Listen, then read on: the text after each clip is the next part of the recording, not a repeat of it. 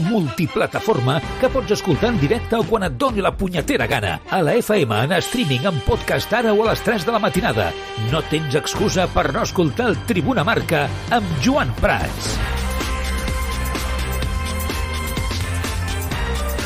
Què tal, com esteu? Molt bona tarda. Benvinguts al Tribuna Marca post-Nadal. Aquí estem. Després de les festes nadalenques, tornem a estar aquí amb vosaltres, apropant-nos al final d'any i aquesta setmaneta prèvia i on el més important, torna al futbol. Però, això sí, bon Nadal i bones festes eh, per tots. No s'atura l'actualitat. De fet, hi ha molta cosa ja en clau Barça en aquesta setmana i en aquest programa d'avui que viurem d'una hora i mitja pel davant en aquesta tarda de dimarts. La Lliga ha aprovat 8 canvis en matèria de fitxatges per a aquest mercat d'hivern que certifiquen ja de forma de definitiva que el Futbol Club Barcelona tindrà gairebé impossible poder efectuar cap mena de fitxatge, com bé ja havíem comentat i com se sabia. Els 8 canvis del mercat eh, per part de la Lliga són realment contundents en clau Barça. Per exemple, el primer, limitació de la venda d'actius essencials, bàsicament. El dos, les palanques a l'estil Barça redueixen. Els clubs podran vendre béns o drets, però sempre i quan el valor del mateix cada temporada no superi el 5% de la xifra de negoci. En cas de superar el 5%, els diners extras no els valdria per realitzar traspassos ni tampoc pagar salaris. Per tant, si ara mateix es fes una palanca, famosa palanca a Can Barça, com es va produir en el seu dia, ara mateix només podria ser utilitzat el 5% d'aquests diners amb aquesta nova mesura de la Lliga. El número 3, palanca sense restricció. Hi ha una variant, no? Quan un club treu una nova línia de negoci, com podria ser, per exemple, la reforma d'un estadi, podria vendre-la i activar la palanca sense la restricció del 5%. De fet, alguns han interpretat que aquesta norma afavoreix fins i tot el Real Madrid amb també l'adjudicació no? de la gestió de l'estadi a un tercer. Quart punt, recompra de palanca. La recompra d'un actiu venut per treure avantatge serà penalitzada per part de la Lliga. També el Barça ho tindria fotut en aquest sentit. 5. Ingressos extraordinaris. Atenció al que diu la Lliga, perquè la Lliga a partir d'ara demanarà als clubs que tinguin la seguretat de poder pagar durant dues temporades als futbolistes fitxats per assegurar-se que no hi hagi caos en el límit salarial. Número 6. Es rebaixa la pressió sobre la venda de futbolistes. Els clubs que venguin o rescindeixin el contracte d'un jugador a un preu menor no li afectaria el límit salarial. D'aquesta forma s'evita que la situació econòmica del club impedeixi fitxar o deixar sortir a jugadors amb els que no es compta.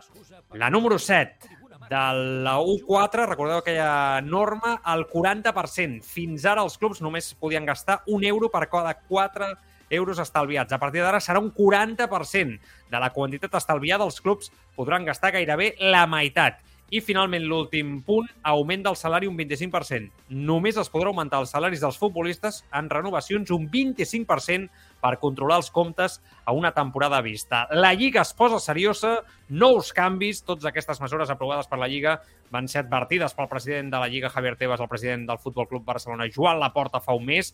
El Barça creuen que la Lliga s'ha posat les piles per evitar que el propi Barça, el propi Futbol Club Barcelona, pugui seguir utilitzant aquesta via econòmica per seguir sent competitiu com a club i no s'amaguen en dir que són mesures anti-Barça. Així de clar ho tenen a l'interior del, del Futbol Club Barcelona davant de, com dic, aquestes noves mesures que eh, es posaran ja en marxa i seran vigents, com dic, a partir del 1 de gener, el dia que s'obre el mercat futbolístic. La Lliga va veure que li havien cobrat un gol, que aquest gol l'havia pensat el Futbol Club Barcelona i a partir d'aquí no vagi a passar dues vegades. Anem a saludar el Carlos Rojas, que el tinc per aquí ja. Carlos, què tal? Bona tarda, com estàs? Què tal? Bona tarda. Que torna de les vacances, després de molts dies, eh? Desconnectat. La setmana passada no va estar amb nosaltres, ja sabeu, i ara ja ha fet las vacances una semana abans. Eh, ¿Todo bien? Todo bien, he estado malo eh, la semana de vacaciones, cosa que, entre comillas, no se, agrade no, me se agradece. No, no me vas a hablar de esto. Se, se, agradece, pero claro, imagínate que me hubiera pasado como te ha pasado a ti, ¿no? Que estás trabajando, pues un, un lío. Digo, esto tranquilito, me, me, he puesto a ver cine, fútbol, un poco cuando ha vuelto y... Bueno, COVID, ¿no? Un resfriado muy bien. No, no, no a ser COVID, no llego a ser COVID. Yo estoy seguro que sí, pero bueno, esa es mi teoría. no, no, que hice test. Bueno, a ver. Ya, ya, pero es que yo creo que, que, que, que os hicisteis el test tarde. Bueno, és, és una història interna del programa que ja, ja això ja, ja és igual, perquè ja quan torni tothom de vacances, suposo que l'empresa ja, ja ho parlarem entre tots els integrants. Aquesta setmana està el Marc Truco de, de vacances, la setmana següent eh, estic jo, estarà el Marc amb el Carlos fent el, fent el tribuna, eh, però jo crec que aquí vam agafar un Covid com un piano. És la, la sensació que tinc, que tinc jo entre, Pena, entre tots i que al final, bueno, en fi, eh, vam ser aquí un poc curosos i ens ho vam menjar amb patates, però bé, és el que hi ha. Bueno, en directe a través de Radio Marca Barcelona, a través de radiomarcabarcelona.com, a través de l'aplicació mòbil disponible per iOS i per Android, una tarda més a través del Twitch, twitch.tv barra el Tribuna, a través de YouTube, eh, que també ens podeu veure i podeu participar. El xat del Twitch també. Tenim el eh, magnífic i estupendo jo diria xat, no és un grup, no? Jo, és un grup de Telegram, eh, Tribuna Sí. Barça, on eh, també els oients parlen per allà. Tenim el TikTok, Tribuna Marca, tenim absolutament de tot. Y bueno, Carlos, que tenemos unas normas fantásticas de la Liga que, que son, bueno, unas normas que se tienen que, que acatar porque no queda otra, ¿no? Yo creo que esa es, esa es el primer, eh, la primera conclusión que se puede sacar al, al, al respecto de una forma evidente, ¿no? Pero... ¿Qué quieres que te diga? O sea, creo que se ve demasiado que les molestó mucho, ¿no? Que el Barça pudiera encontrar una manera, ¿no? De, que yo no digo que sea lo mejor para el Barça, ¿eh? que creo que ja me conocéis tots i ja em coneixeu tots al respecte i que sempre he explicat molt bé quina és la meva postura respecte a les palanques i sempre he explicat molt bé, crec, no? He estat molt clar, com a mínim ho he intentat, respecte al, al tema de, del que crec que pot arribar a passar al club, de com jo veig eh, com va reaccionar el Barça, però el que és innegable és que el Barça tenia un pla, que va aconseguir, no? arriscant molt, perquè va arriscar el seu propi pat- patrimoni, tirar les coses cap endavant en una situació de pràcticament impossibilitat per ser competitiu en un mercat com va ser el passat, no? I això va ser avançant-se al que diu la llei del senyor Tebas, que normalment és una persona que li agrada treure molt de pit, tirar cap endavant d'una forma clara, creient-se que és el més llest de la classe. Com a mínim és la impressió que a mi em, em reflecteix el, el president de la, de la Liga. Què vull dir amb això? Home, doncs que em sembla que no van quedar gaire satisfets, com dic, a l'estiu i que se'ls hi veu el llautó. O sigui, han saltat ràpidament per evitar que el Barça segueixi fent el que ve fent en els últims temps, que és vendre actius, eh, bueno, vendre, traspassar actius per un període de temps perquè el Barça no torni a fer una, una d'aquestes operacions i sigui o segueixi sent competitiu tenint un límit salarial pels núvols com el que té ara mateix, el, encara a dia d'avui, cal dir-ho, recordar-ho, el Futbol Club eh, Barcelona. Eh, després hi ha una altra visió, Carlos, que és que, home, un des de fora pot dir ostres, doncs la llei estava mal feta, no? Perquè el Barça va demostrar que hi havia un forat, no? Que és que clubs com Barça, com Madrid, amb grans actius i poderosos actius, puguin en un moment determinat decidir vendre part d'aquests o cedir a tercers drets, etc sobre part no, de les seves estructures eh, empresarials que, bueno, pues els torni a situar en una situació d'avantatge respecte als competidors. És una altra manera de veure-ho, ho puc arribar a entendre, però clar, per mi és que ha estat... O sigui, al final ho mirarem des de l'òptica blaugrana.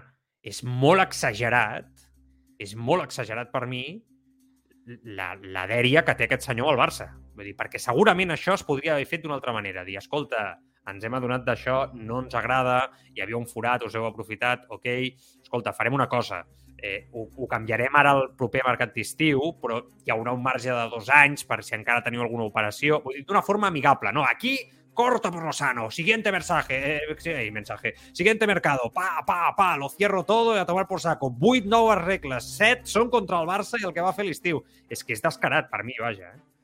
Yo sobre todo cuando las ibas leyendo, ¿no? Eh, Ya cuando las hemos conocido hoy, pero ya cuando las ibas leyendo y repasando, me estaba acordando mucho de lo de CVC, ¿no? Y me estaba acordando del papelón que para el Barça fueron aplausos, ¿no? Lo de, el tema de, las palancas, en muchos sentidos, es verdad que no era una gran noticia, pero como recurso sí parecía, ¿no? Una, una buena solución, o al menos una gran alternativa a lo que proponía la liga.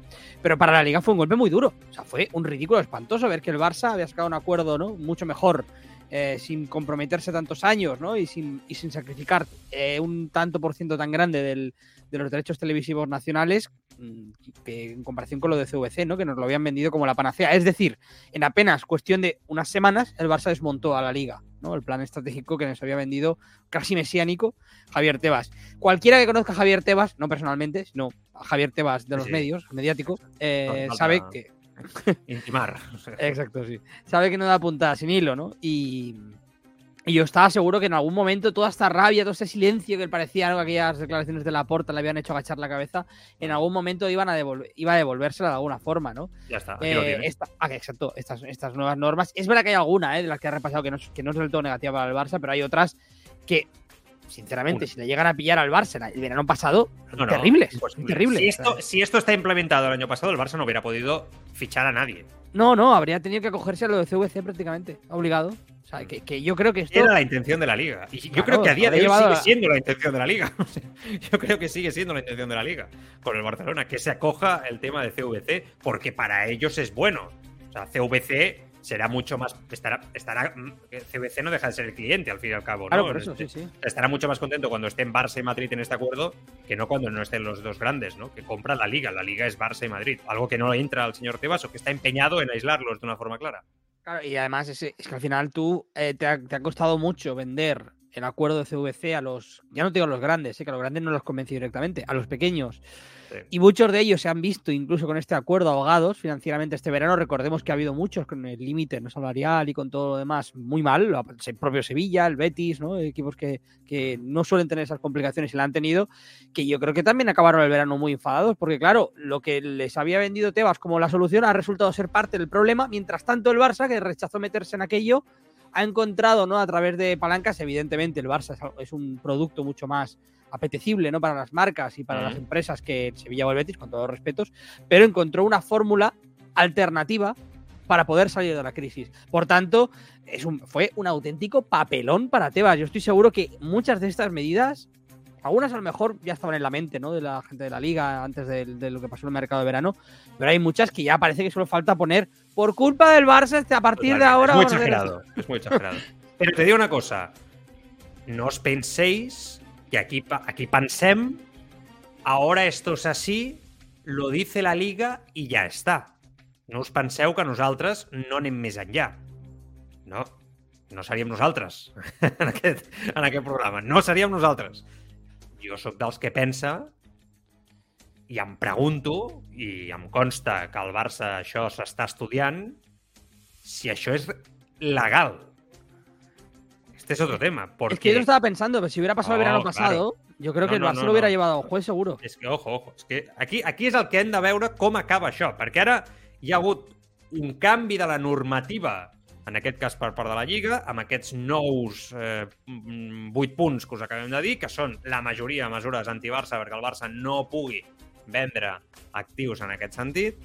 Insisteixo, sense entrar, torno a repetir, si nosaltres estem més o menys d'acord amb que el Barça faci o no faci i posi en risc o no posi en risc el futur de l'entitat. Però és una entitat privada on els socis han donat permís per fer aquestes operacions al seu president i aquí ve una entitat que regeix no, a tots els altres clubs i que es creu amb el dret no només aquí, mira, el fair play financer jo crec que estem tots d'acord en que ha d'haver una regularització que segurament no ho estan fent bé tampoc per mi, eh? perquè per mi és si tu veus altres competicions esportives com regulen aquest tema i ho fan amb una senzillesa que tothom ho entén. Això sembla un via crucis. Sembla que, sembla que hagis de fer un doctorat per entendre el fair play de la Lliga. Però bueno, és igual, sense entrar en això. Ostres, jo crec que aquí ah, la gran pregunta és pot la Lliga dir-li què fer o com explotar els seus actius a un club per tenir més diners? Perquè, clar, jo crec que no ha de ser molt diferent potser ja ens estem complicant, eh?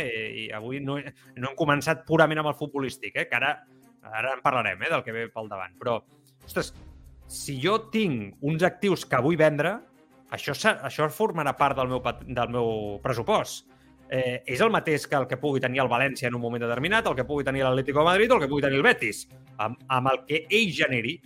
Està, és evident que Barça i Madrid generen molt més que aquests equips. O sigui, jo crec que hi ha una part de la voluntat per part de la Lliga a no acceptar que per molt que intenti regularitzar fair plays i noves normatives, el que mai podrà controlar és que Barça i Madrid mai seran igual que el Betis, el Deportivo, no sé, et poso un, el, jo què sé, el que vulgueu, eh? la resta d'equips d'Espanya. O sigui, per molt que intenti fer-ho, mai podran ser iguals. Per què? Perquè generen, vaja, ni tres vegades més. És que són multinacionals al cantó de, de, de grans empreses familiars. Entenem la diferència, eh? si m'emporto del tema mercantil. Llavors, és que, és que jo, jo ja veurem què diuen els advocats del Barça en aquest sentit, ja veurem si això va més enllà.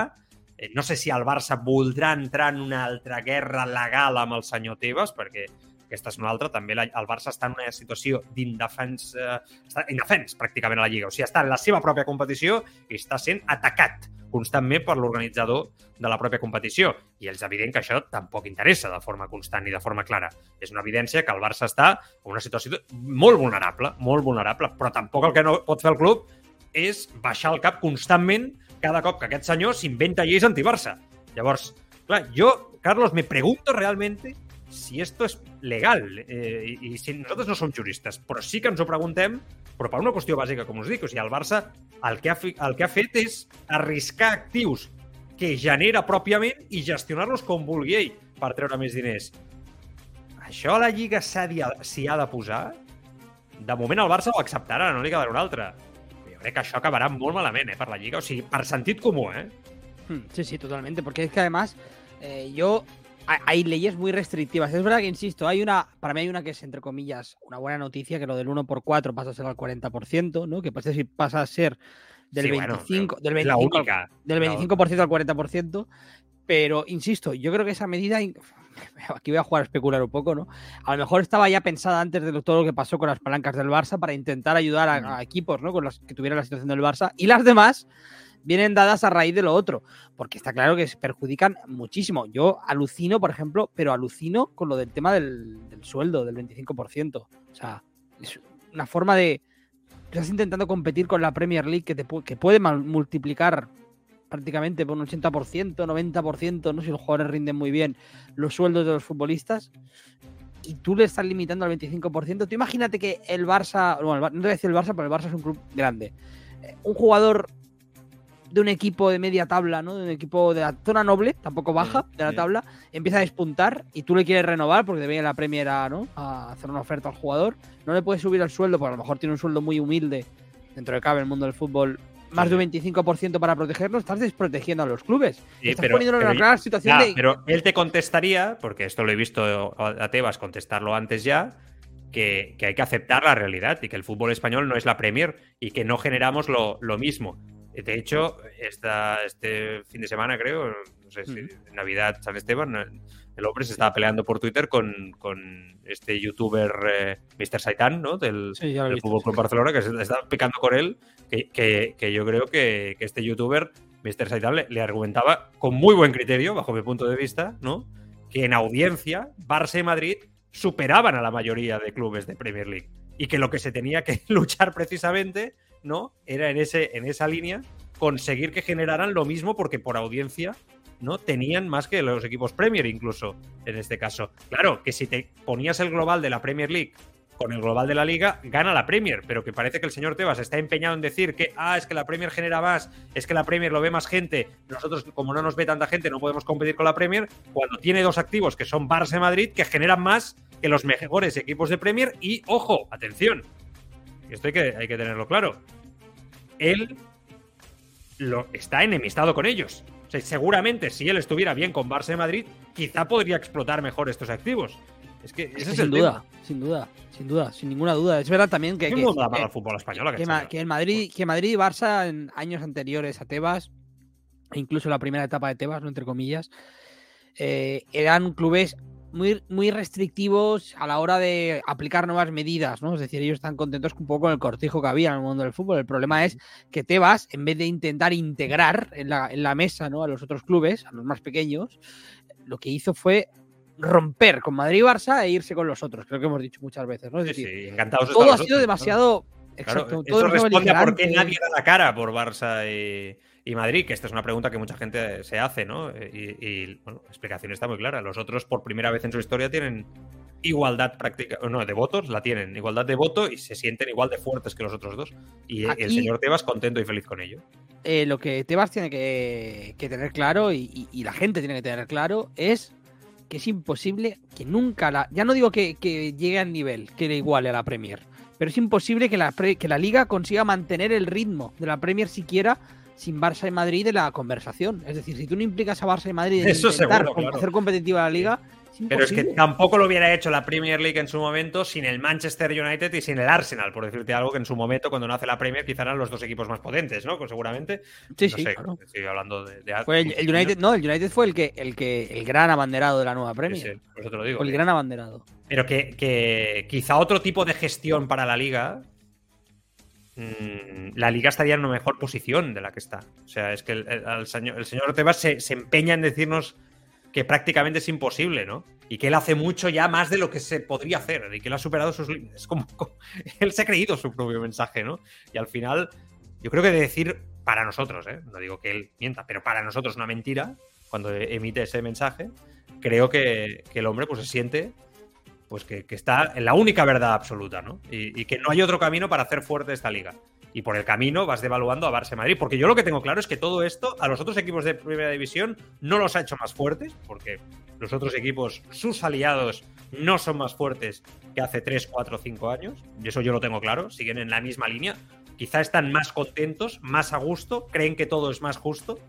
Pero lo que tengo claro es que Barça y Madrid son más débiles a día de hoy que hace 3 o 4 o 5 años. De eso no, no hay nadie que tenga la menor duda al respecto. Y eso es un problema para la liga. Y Sí. eso es un problema muy grave. Porque Sin por ahí es donde está el futuro de la competición.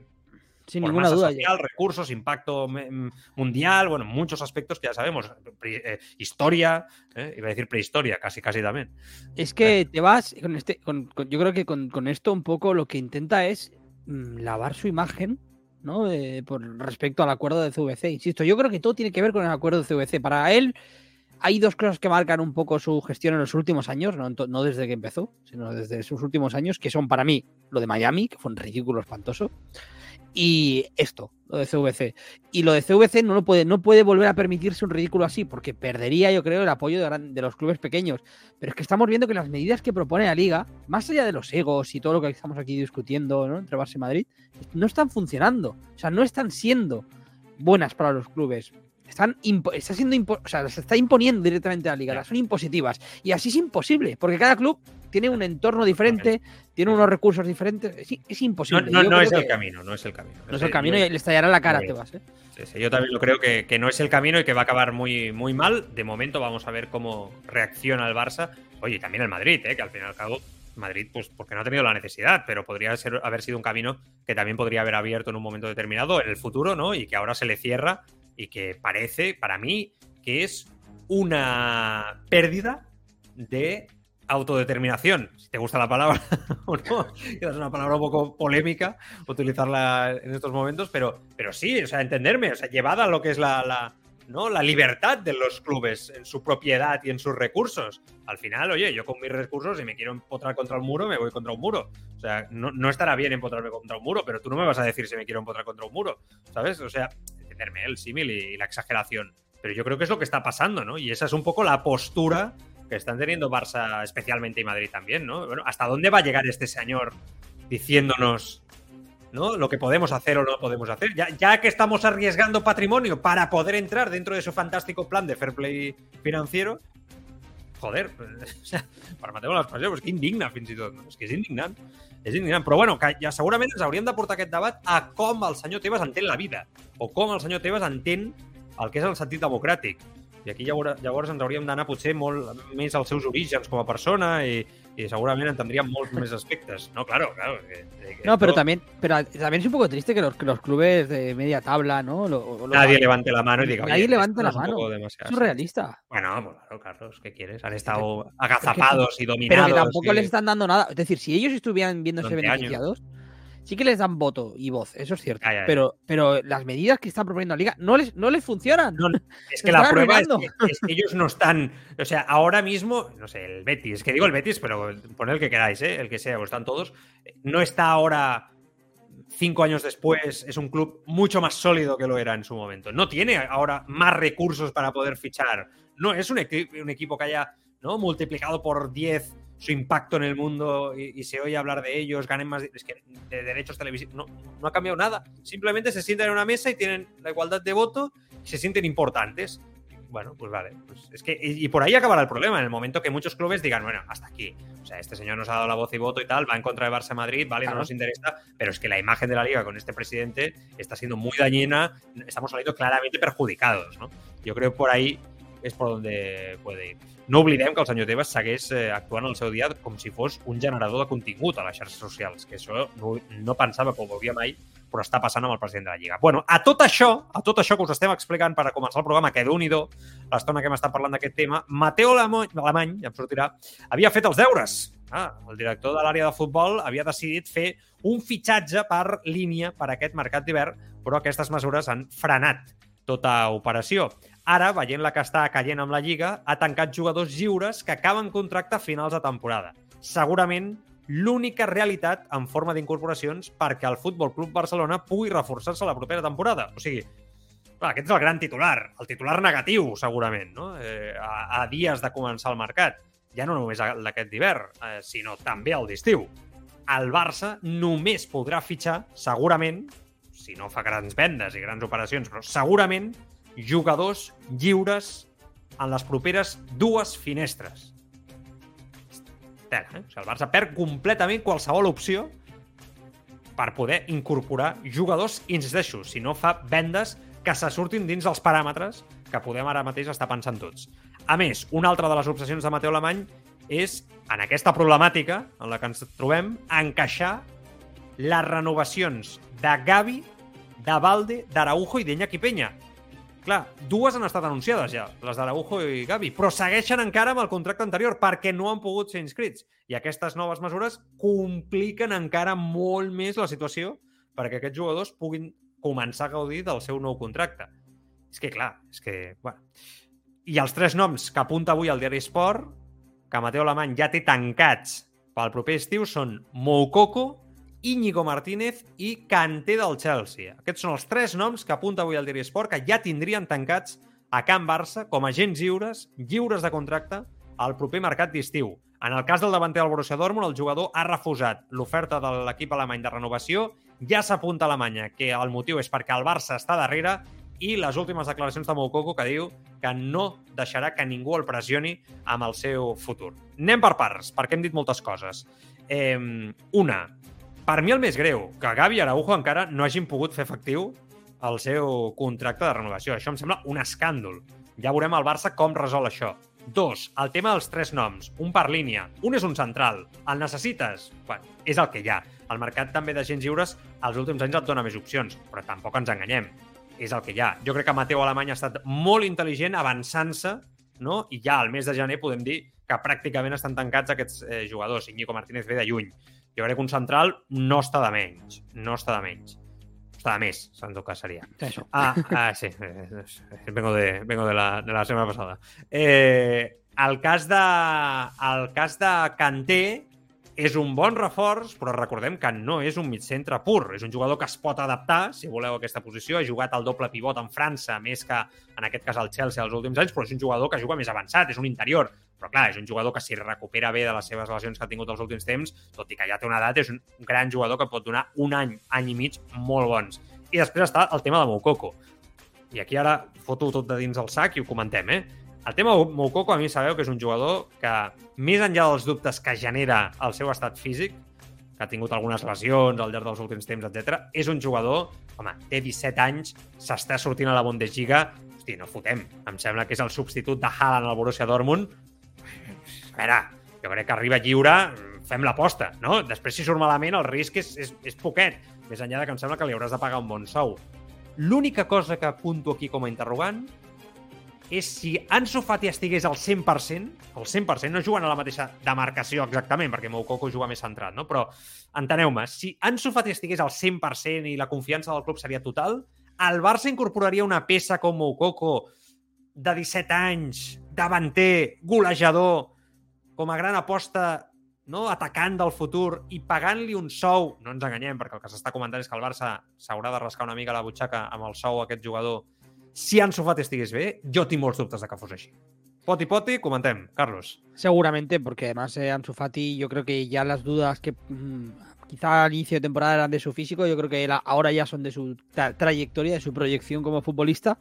Sobre todo después del Mundial, creo que acababa, ¿no? Eh, decíamos que podía ser una oportunidad muy, muy grande para Ansu Fati y yo creo que le, ha perjudicado, tampoco es que haya hecho un Mundial espantoso, pero que le ha perjudicado el rol que ha tenido, ¿no? Y el papel que ha tenido, eh, salvo milagros que en el fútbol, pues evidentemente los hay, esta temporada yo creo que confirma que Ansu se ha, se, ha estancado, ¿no? Y que seguramente ahora mismo el Barça no sea el ecosistema ideal para él por la falta de minutos, porque es un jugador que yo creo sinceramente no lo tendría que decir un experto, ¿no? Pero creo sinceramente que puede volver a su nivel anterior, pero necesita muchos minutos, necesita mucha confianza y necesita un sistema favorable. Quizá de todo ello, lo único que tiene el Barça es lo último, ¿no? El sistema, creo que es un sistema favorable, pero no tiene ni minutos ni la confianza del entrenador ahora mismo.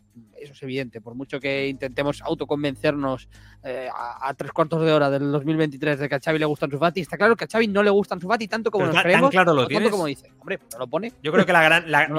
yo, que te lo he expresado, la duda al respecto muchas veces... No me atrevo a afirmarlo rotundamente, Carlos. Yo, yo viendo lo de Mukoko ya. Bueno, viendo lo de Mukoko, viendo el rol que están teniendo los jugadores, eh, jugadores competencia de Ansu Fati en el Barça y lo que está jugando Ansu Fati, evidentemente Xavi no va a salir a defenestrarlo en público. Recordemos que según Ansu Fati la semana pasada, ahora va a llegar el momento, que todo formaba parte del plan, ¿eh? Lo dijo Xavi el año pasado, la semana pasada en Barça Televisión, lo escuchamos aquí yo no creo que forma parte del plan porque a Ansu Fati no le he visto tranquilo. Si tú ves a Ansu Fati tranquilo y escuchas al padre Ansu Fati. Y, parte del plan y él, no lo acepta.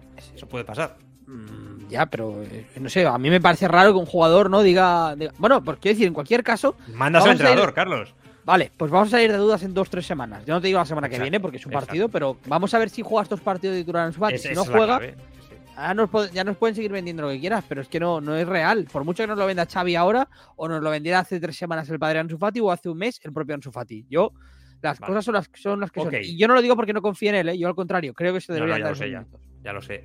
Mm, a mí me gusta Moukoko. Eh, ¿Te gusta Moukoko? Esa sería a mí me gusta, otra pregunta. a mí me gusta ¿eh? mucho. Yo creo que es una apuesta del, que es bueno, ¿eh? del estilo como la que ha hecho Madrid con Hendrik, siendo mucho más barato. Vale, vale, vale. Bueno, eh, veig algun missatge de gent que arriba al xat de Twitch que diu acabo de llegar, què passa con Ansu? No, no, tranquil·litat. Estem simplement comentant no, que si el Barça finalment, com sembla que farà, acaba fitxant a Moukoko, no? Eh, bueno, que sempre generem dubtes, no? que si Ansu Fati estigués al 100% no? sobre si finalment el Barça faria una aposta per un davanter de la mateixa edat, bueno, més jove que Ansu Fati ja, no? va passant el temps, més jove que, que Ansu, i pagar-li un sou important com sembla que se li, que se li pagarà a Moukoko. Que escolta, tant de bon Sofati acabi triomfant, tant de bo Moukoko arribi al Barça i sigui el davanter del futur, aprengui molt de Lewandowski un parell d'anys no? i el Barça hagi fet dues operacions extraordinàries i segueixi generant talent jove en aquest, eh, en aquest sentit. El que està clar és que el Barça jo crec que té la responsabilitat en aquesta situació tan complicada, ara mateix com la que té el, el club, perquè té una situació complicada econòmicament parlant, però sobretot amb un enemic com és Javier Tebas a la, a la Lliga, el Barça ha de ser més hàbil que ningú. Vull dir, el que no pot ser és que el Barça falli en absolutament res en el mercat, dins de les seves opcions. I jo crec que això és un avantatge tenir un home com Mateo Alemany que es mou bé, es mou bé, es mou molt bé, de fet. De fet, atenció, uh, Víctor Horta és el eh, director esportiu del Leeds United, que havia treballat amb Mateo Alemany que se'l va trobar no, parlant del fitxatge de Rafinha. Ha fet unes declaracions a les últimes hores a la media inglesa, aquest canal de YouTube, Amics del Carlos, no, que, a més, eh, tú estuviste por ahí, ¿no? Haciendo alguna cosita ahí con los de la media inglesa. ¿eh? Un podcast, sí. Como aficionado del, aficionado del, del Liverpool. Liverpool. El periodista espanyol que més sabe de Liverpool, Carlos Rojas. Eh? Així lo presento el Marca Mercado. Per cert, podcast que moltes gràcies a tots els que heu escoltat el Marca Mercado aquesta mm. setmana. Espectacular l'audiència, hem flipat el Diego Pico, jo i tot l'equip, hem flipat, Carlos forma part de l'equip, amb l'audiència del Marca Mercado. Eh? Eh, bueno, moltes gràcies a tots. Eh.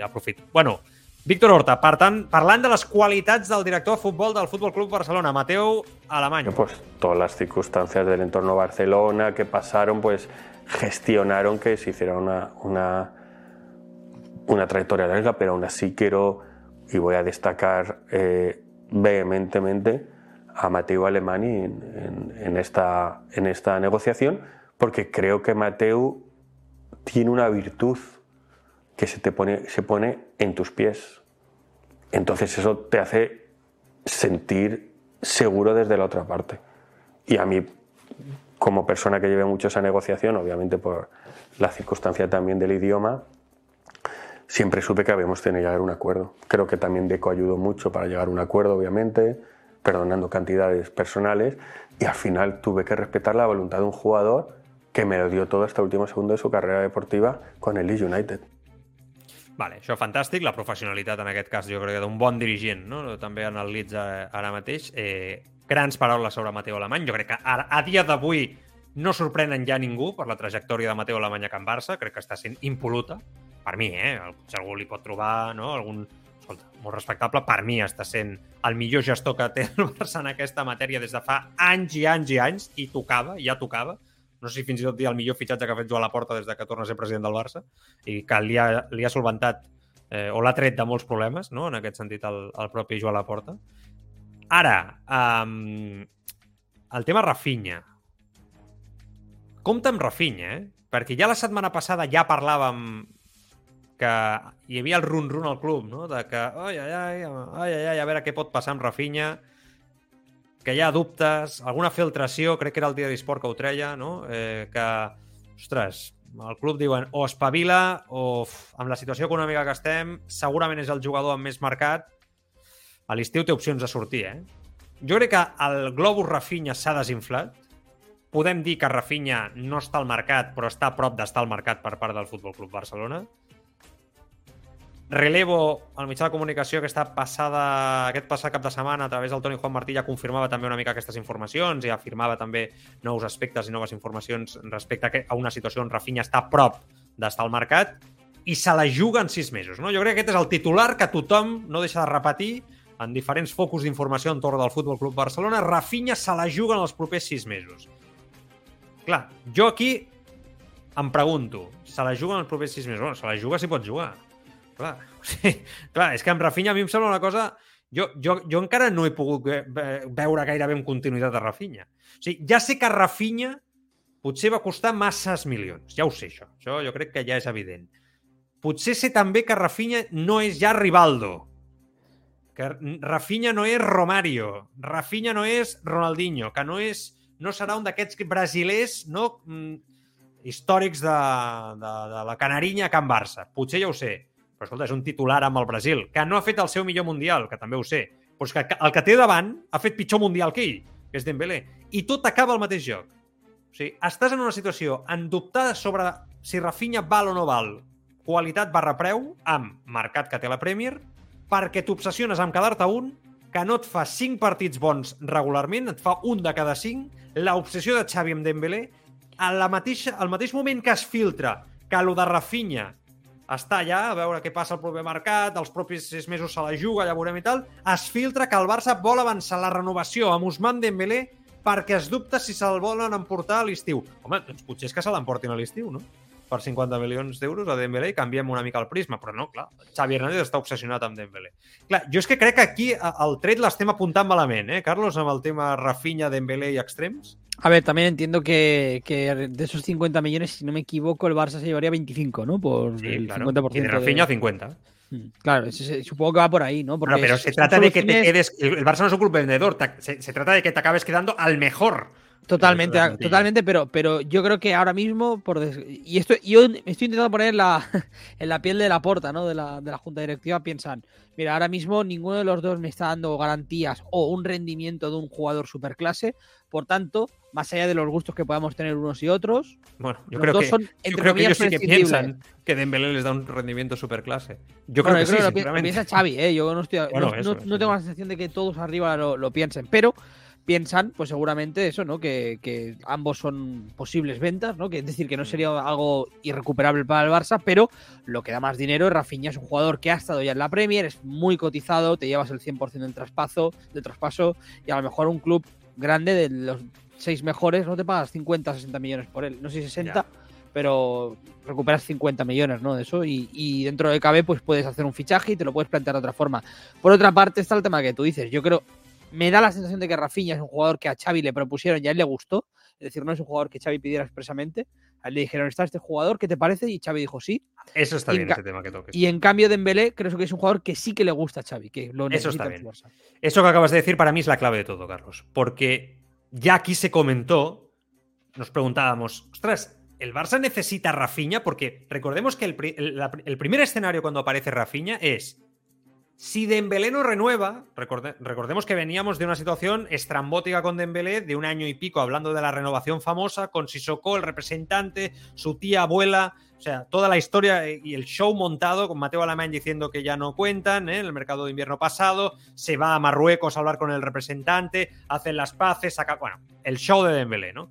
Después de todo aquello, parecía que aparece Rafinha diciendo, bueno, mira, si no se no sigue Dembélé, tienen una opción que es Rafinha, un buen jugador que parece que gusta a Xavi, que gusta a la Secretaría Técnica, es un jugador interesante, internacional con Brasil, se está saliendo en el Leeds, vale, bueno, con... y de golpe a los dos. Tienes a Ferran Torres, tienes a Ansu Fati, tienes... después era, no, pero quieren ver cómo está Ansu Fati. Si Ansu Fati está bien, entonces ya Rafinha, o sea, yo creo que aquí hay que valorarlo, como tú has dicho, desde el inicio. ¿Quién es el inicio de todo això? Feia falta gastar-se 60 milions d'euros més variables, no? Em sembla que era, ara parlo de memòria, en Rafinha. O sigui, aquesta és la gran pregunta. O sigui, podem estar davant d'una mala operació perquè només quatre mesos després ja ens estem preguntant si el Barça necessitava aquest jugador, si l'aposta en aquest cas era Dembélé i si l'aposta en aquest cas era Ansu Fati i Ferran Torres. Perquè el que està clar és que els quatre extrems la propera temporada no hi poden ser. I el Barça té unes necessitats en altres posicions que segurament, segurament, necessiten que facis aquesta inversió que estalviaries amb jugadors com Rafinha. Que no dic que no valgui pel Barça, eh? Que no dic que no valgui pel Barça. Per mi val més Rafinha a dia d'avui que Dembélé. Sincerament, eh? Dembélé molt més brillant, sí, però irregular. I aquesta irregularitat jo continuo dient que el. Es que, claro, a mí en el caso de, de, de Rafinha me da la sensación de, de, Es un poco eso, ¿no? Que viene de ahí. Es un jugador que. A ver, yo sí que creo que el Barça tenía que reforzar el extremo. Creo que sí, porque los extremos que tenía el Barça ahora mismo eran jugadores del perfil. Tenías a Abde, ¿eh? Tenías a Abde, pero yo creo Ojo, que a Abde eh. le falta. Juglar, que puede falta, caer de, le falta ese equilibrio para ser el, el, el, extremo del Barça. Ya, titular. ya, ya. Pero, pero oye, también te digo una cosa: se nos ha dicho mil veces que Xavi está enamorado de Abde. Bueno, pues igual, es que, pero también se nos ha dicho muchas cosas de Xavi y luego no son así. que lo que antes hablábamos con Ansu Fati, ¿eh? seguro que con Xavi, Ansu Fati y tal, pues no. Es decir, al final, la, vida, las cosas, ¿no? Los hechos se demuestran, pues eso, con, con hechos, valga la redundancia. Y, y que pues, también se hablaba de los jugadores que, ¿no? De los jugadores que salieron del Barça y que se supone que Xavi iba a contar con ellos, el centro del campo, por ejemplo, ¿no? Y no hay más que mirar el caso de Sergio, Busquets. Y cómo, está, cómo se gestionó el caso del, extremo. Yo creo que Xavi quería, aparte de Dembélé, un jugador que pudiera abrir campo, que pudiera abrir banda, que pudiera ser un extremo abierto, eh, un jugador de fuera adentro, ¿no? Y, en ese caso, pues Rafinha pareció ser una opción que se adecuaba a eso. Yo no sé si porque lo propuso Deco, tiene toda la pinta. Eso es evidente, o sea, está claro que Xavi no dijo, quiero fichar al del Leeds United. No, hay un al Deco, amigo de la Porta, que está trabajando para el club en ese momento. y que le viene, vamos, ni pintado. Como freelance externa y que dice, oye, Rafinha, el mío, además lo represento yo. ¿no? Yo creo que. Claro, y claro. Sí, sí, no, no, total, total. Es que tiene toda la pinta que fue así. Ahora, dicho esto, que tampoco quiero ser aquí, ¿no? Tan duro. Ya creo que aquí todos aplaudimos el fichaje de Rafinha en verano. A mí me pareció un buen fichaje y creo que Rafinha tiene potencial para Sí, ser sí. titular en el Barça. Aquí el problema Pero es, Si no le da minutos, no lo va a ser nunca, ¿eh? claro, pero el problema yo creo que es las urgencias económicas que hemos repasado al principio del programa, ¿eh? O sea, no nos engañemos. Yo creo que tiene más que ver Mm, con eso, Eso no ayuda, claro. con el desempeño de- del jugador. Sí, pero también te digo una cosa, si filtras lo que filtras ahora, justo antes de los próximos seis meses, cuando se abre el mercado, al jugador que ya ha reconocido que se está adaptando al Fútbol Club Barcelona, que le está costando, ¿no? Que, que poco a poco ha hecho unas declaraciones un poco diciendo, bueno, pues poco a poco me voy adaptando, no es fácil, ¿no? El Barça es un gran club. Bueno, pues lo pones en el disparadero. Yo lo te pones en la cosa, diana, claramente, el Manchester United está buscando un extremo. Iría loco por Rafinha, ¿no? Claro, esa es, mira, me lo pones fácil. La próxima pregunta que voy a hacer. Si mañana en este mercado de invierno, con lo que hemos visto de Rafinha, y abandonamos la ilusión que tuvimos por Rafinha, llega el Manchester United, no lo pongo yo, lo pone Carlos Rojas encima de la mesa, y dice 50 millones por Rafinha, titular indiscutible. Claro, que tiene Anthony, ¿no? También, o sea, tendría... Sí, pero es que lo digo porque querían a Gakpo, que lo Ya, ya, ya. Liverpool. Liverpool, ahora hablaremos de ello. Esa es la gran pregunta. Si pone 50 kilos, ¿qué creéis que hace el Barça? Yo la respuesta la tengo clarísima ¿eh? a día de hoy. A 27 del 12 del 2022 tengo muy clara la respuesta. Y me parece feo, por parte del club. Anem a llegir missatges, va, que hi ha un, un fotimer eh, a aquestes hores de, de la tarda sobre tots aquests temes candents, Rafinha, Mercat, Mateu Alemany, la Lliga, les noves opcions. Hi ha molts missatges a Twitch, twitch.tv barra el Tribuna, ja ens podeu veure també. Carlos, hi ha un fotimer, eh? a veure si poden entrar tots. Va, què diu la gent? el año fuerte. Eh, mira, por el tema de Tebas, eh, José de Mataró decía, el Barça no podría irse a jugar a Licang, seguro que estarían encantados. Daniel H. decía, a mí el Barça del señor Tebas me recuerda la película La Terminal, muy buena de Tom Hanks. El protagonista se busca la vida para sobrevivir mientras el director de aeropuerto hace todo lo posible para verlo fracasar. Da igual lo que haga el Barça, que buscará la manera de fastidiar. Por otra parte, para la 777 decía, puf, vayan hombres, solo se salva el delantero y más humo que otra cosa. Pero los, nombres que repasamos al inicio del eh, programa. Eh, Evaler 10 decía, buenas festas, canté encara pot jugar a futbol o bé per fer un, un tití. Bueno, clar, aquest és el dubte, no? Si està bé o no físicament eh, Kanté. Sí, yo le pongo un interrogante muy grande eh, a Kanté, Sí, sí, sí. personalmente. Es muy bueno Kanté, si está bien. ¿eh? Eso estamos No, no, todos sí, de acuerdo. eso nadie lo duda, pero hace ya un par de años que ha dejado de ser ese Kanté. Mm. Palala 777 apuntaba también, ostras, Dembélé también era la estrella y futuro del Dortmund. Ahí lo dejo, pero bueno, uno costó 140 millones. Sabio Culé dice, el plan era enfadar a Ansu o generar dudas. Papi Jefazo apuntaba, la vuelta de Abde tiene que ser vital y si Juclas se puede recuperar también. Hoy es el momento para que la Porta pida dos cesiones al Manchester City. Grealish, con la llegada de Julián, va a querer salir cedido, ya que no juega hace cuatro meses. Y pedir al Atlético a Marcos Llorente dos años cedido y se le paga nómina. Esas cinco compras o cedido. Por otra parte, eh, apuntaba- Papi Jefazo és ja el representant amic de Mateo Alemany, eh? Vull Sí, dir, sí, li fa eh. tot el planning de, de, de fitxatges. No, pues mira, no se lleva muy bien con él, ¿eh? Mira el mensaje siguiente. Dice, Ah, lo que es una desgracia es que le des a Mateo 400 millones de dólares de palancas y que lo único claro que nos dejes a un Lewandowski con 35 años y el resto todos con cartel de salida. Es desastroso pagar en 2022 60 por Ferran, 60 por, Rafa- por Rafinha, por Koundé, por Lewandowski, no vender a Dembélé y llevarse cero. Por otra parte, eh, otra manera de veure-ho. no, no, sin duda. Evelar 10 decía Ferran Torres porta més temps que Rafinha i ha demostrat molt menys per més o menys al mateix preu. Damupe apuntaba, yo pienso lo contrario con Mateu, se le pidió un equipo competitivo y no creo que vaya por mal camino. Víctor Cup, Ja veig ah, que la gent generalment està... pensa diferent a mi, eh? Mateo Alemany, ja ho veig. hay un poco de división de opiniones. ¿eh? Mm. Eh, Víctor Cup decía, las apostes duren tres mesos, adaptació, continuïtat, recordem Bon que encara estem en aquest. construcció, s'ha de Aquest és creure. el tema, eh? Aquest és el tema. No oblidem el Barça en el moment en el que està. Ara d'aquí a 10 minuts es passa per aquí al Tribuna Marca el David Bernabéu del Diari Esport, bon amic i company, que sempre ens agrada tenir xerrades amb ell perquè té un punt de vista únic no? sobre l'actualitat del Barça i ara li, farà, li faré preguntes com aquesta, no? sobre les que estem parlant i, i a veure com ho veu ell. No? Eh, lo poc que dura l'aposta o el període de reconstrucció o el temps per entendre els períodes de reconstrucció d'un equip com el Barça. Eh, y un último comentario para rematar, eh, Sa- Sabio Cule, que decía, véase Haaland, Mbappé o incluso Hendrik, ninguno quiere venir. Bueno, anem per parts. Eh, ja sabeu, dissabte, partit a les dues a les dues, Barça-Espanyol, amb molts dubtes respecte a l'11. Eh? Ja demà, si voleu, acabem de parlar sobre, sobre el possible 11, eh, hi ha dubtes clars, no? Mateu, Mateu Laoz, eh, per cert, serà l'àrbitre del Barça espanyol de, de, de... Crec que és el primer cop que torna a xiular després de la polèmica amb Argentina, no? I Països Baixos, sí. clar. És el primer... Un tío muy querido, sí. Sí, muy, muy querido. Qui farà de Lewandowski? Estarà Koundé per ser titular. Araujo pot jugar ja de titular un cop el divendres sembla que rebrà l'alta mèdica. Tres laterals d'esquerra disponibles. Qui serà el titular? Busquets pot arribar a perdre pes. Pot arribar a perdre pes. Aquesta és una altra incògnita que tenim allà. Últims resultats en clau derbis dels últims anys. 13-14, Barça 1, Espanyol 0. 14-15, Barça 5, Espanyol 1. La 15-16, Barça 4, Espanyol 1. 15-16 també, Barça 5, Espanyol 0. 16-17, Barça 4, Espanyol 1. 17-18, Barça 5, Espanyol 0. 17-18, també, en aquest cas a, a Copa, Barça 2, Espanyol 0. 18-19, Barça 2, Espanyol 0. 19-20, Barça 1, Espanyol 0. La jornada 35, 21-22, Barça 1, Espanyol 0. S'entén, eh? Tots els partits, en aquest cas, al, al, camp, al Camp Nou. Eh? Allà tenim una mica de, els resultats. I Ter Stegen, a TV3, dient-nos a tots que, que té ganes de tornar a jugar, que fa molt de temps que, que no juga i que té ganes de tornar a jugar a la Lliga i que va motivat. es que, que vuelva a empezar ya y, y también para todos los mundialistas que a lo mejor todavía les queda ah, esa sensación de, de haber hecho algo más en el Mundial, pues ahora eh, tenemos una, una buena oportunidad para, para seguir adelante y, y ganar un partido que, que es clave para nosotros para entrar en una buena dinámica. Y vamos a hacerlo todo para, para ganar todos los títulos posibles y, y nada, yo no tengo ni- ninguna duda que esto saldrá bien. Positivisme de Marc-André Ter Stegen.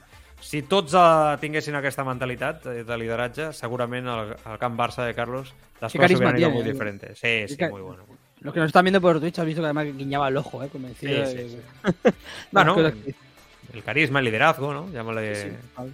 llámale como, como quieras, ¿no? Pero está claro que, que es una de las personalidades más fuertes, ¿no? Que hay actualmente en el vestuario del Barça.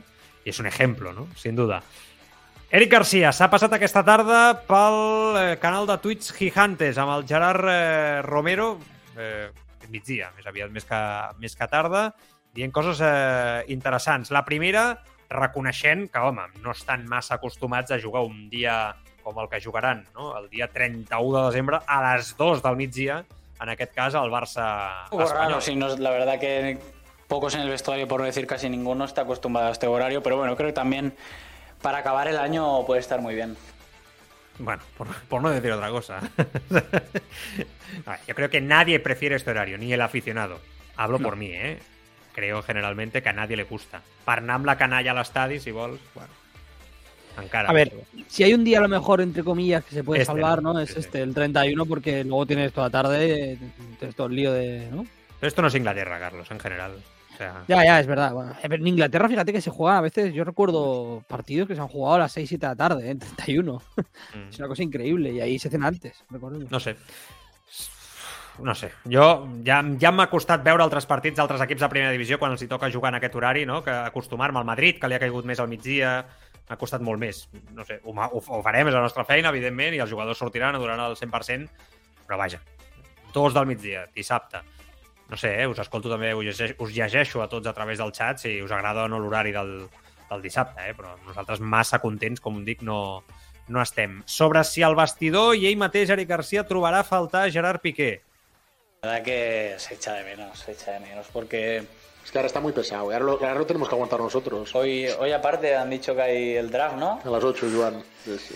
Sí, sí, no, a ver, es un jugador diferente, una persona diferente y obviamente sabíamos que se iba a echar de menos y, y efectivamente se echa de menos. ¿Qué se echa más de menos? ¿El cachondeíto o, mm, o seguramente esos consejos que a ti, eh, como central que eres, eh, te ha dado también en estos últimos tiempos? Las dos cosas. Yo creo la, la facilidad que tiene de, ahora mismo te está haciendo cachondeo y en tres minutos tiene que salir al campo de fútbol y dices, hostia, pero si hace tres minutos estaba cachondeo y ahora en el campo te hace y te sale Se este partidazo. O sea, yo, yo personalmente es el único jugador que veo capaz de hacer esto. O sea, tener este cambio de chip tan rápido Eso es muy interesante el que digo. Hmm. Mira que se han dicho cosas de Piqué, ¿eh? pero esto no. El, el cambio de chip de decir. La personalidad fuerte normalmente lo tiene esto, ¿no? Sabe cuando toca risa, cuando toca trabajar, ¿no? El líder sabe los conceptos, los tiene muy claros y muy definidos. El que se sorprende es el que está al otro lado. En este caso, Eric García. Se han dicho muchas cosas de Piqué. Esta no se la había escuchado a nadie antes. Y la verdad, si te soy sincero, a mí no me lo había transmitido nunca, Pique. ¿No? Seguramente, evidentemente, Eric García lo conoce mucho mejor que nosotros, ¿no? Pero nunca me lo había transmitido. O sea, me, me ha sorprendido que lo diga. No digo que no me lo crea, digo que me ha sorprendido. No que lo Pero diga. a ver, que Piqué a su manera era un líder. Yo creo No, que no, sin duda. claro, ¿no? No, pero yo creo, yo tenía pensado que, bueno, quizá en mi mente Piqué era un líder diferente, ¿no? De, de otro tipo de líder. No, no el líder, no un Puyol en ese sentido, ¿no? No, claro, no, no. Por eso es- Es nunca. decir, que tenga ese- le- es- eso, eso de Puyol, Claro. ¿no? Esa Por eso le costó tanto ser capitán, ¿no? Eh, le costaba. Porque hay un perfil, ¿no? De, de liderazgo que molesta, ¿no? Pero esto no hablo solo de fútbol, hablo en general, ¿no? En todos los aspectos grupales de personas. Y yo creo que en este caso él, pues, lo tenía muy, muy claro, ¿no? En este caso también el propio, el propio Piqué. Ahora también te digo una cosa, que ahora que se ha retirado dos meses, ¿no? No, no sé, ya me pierdo ya. Todo diciembre Sí. y parte de noviembre, ¿no? Creo, más o menos. Sí, sí, en noviembre fue justo antes del, del Mundial. Sí, casi dos meses.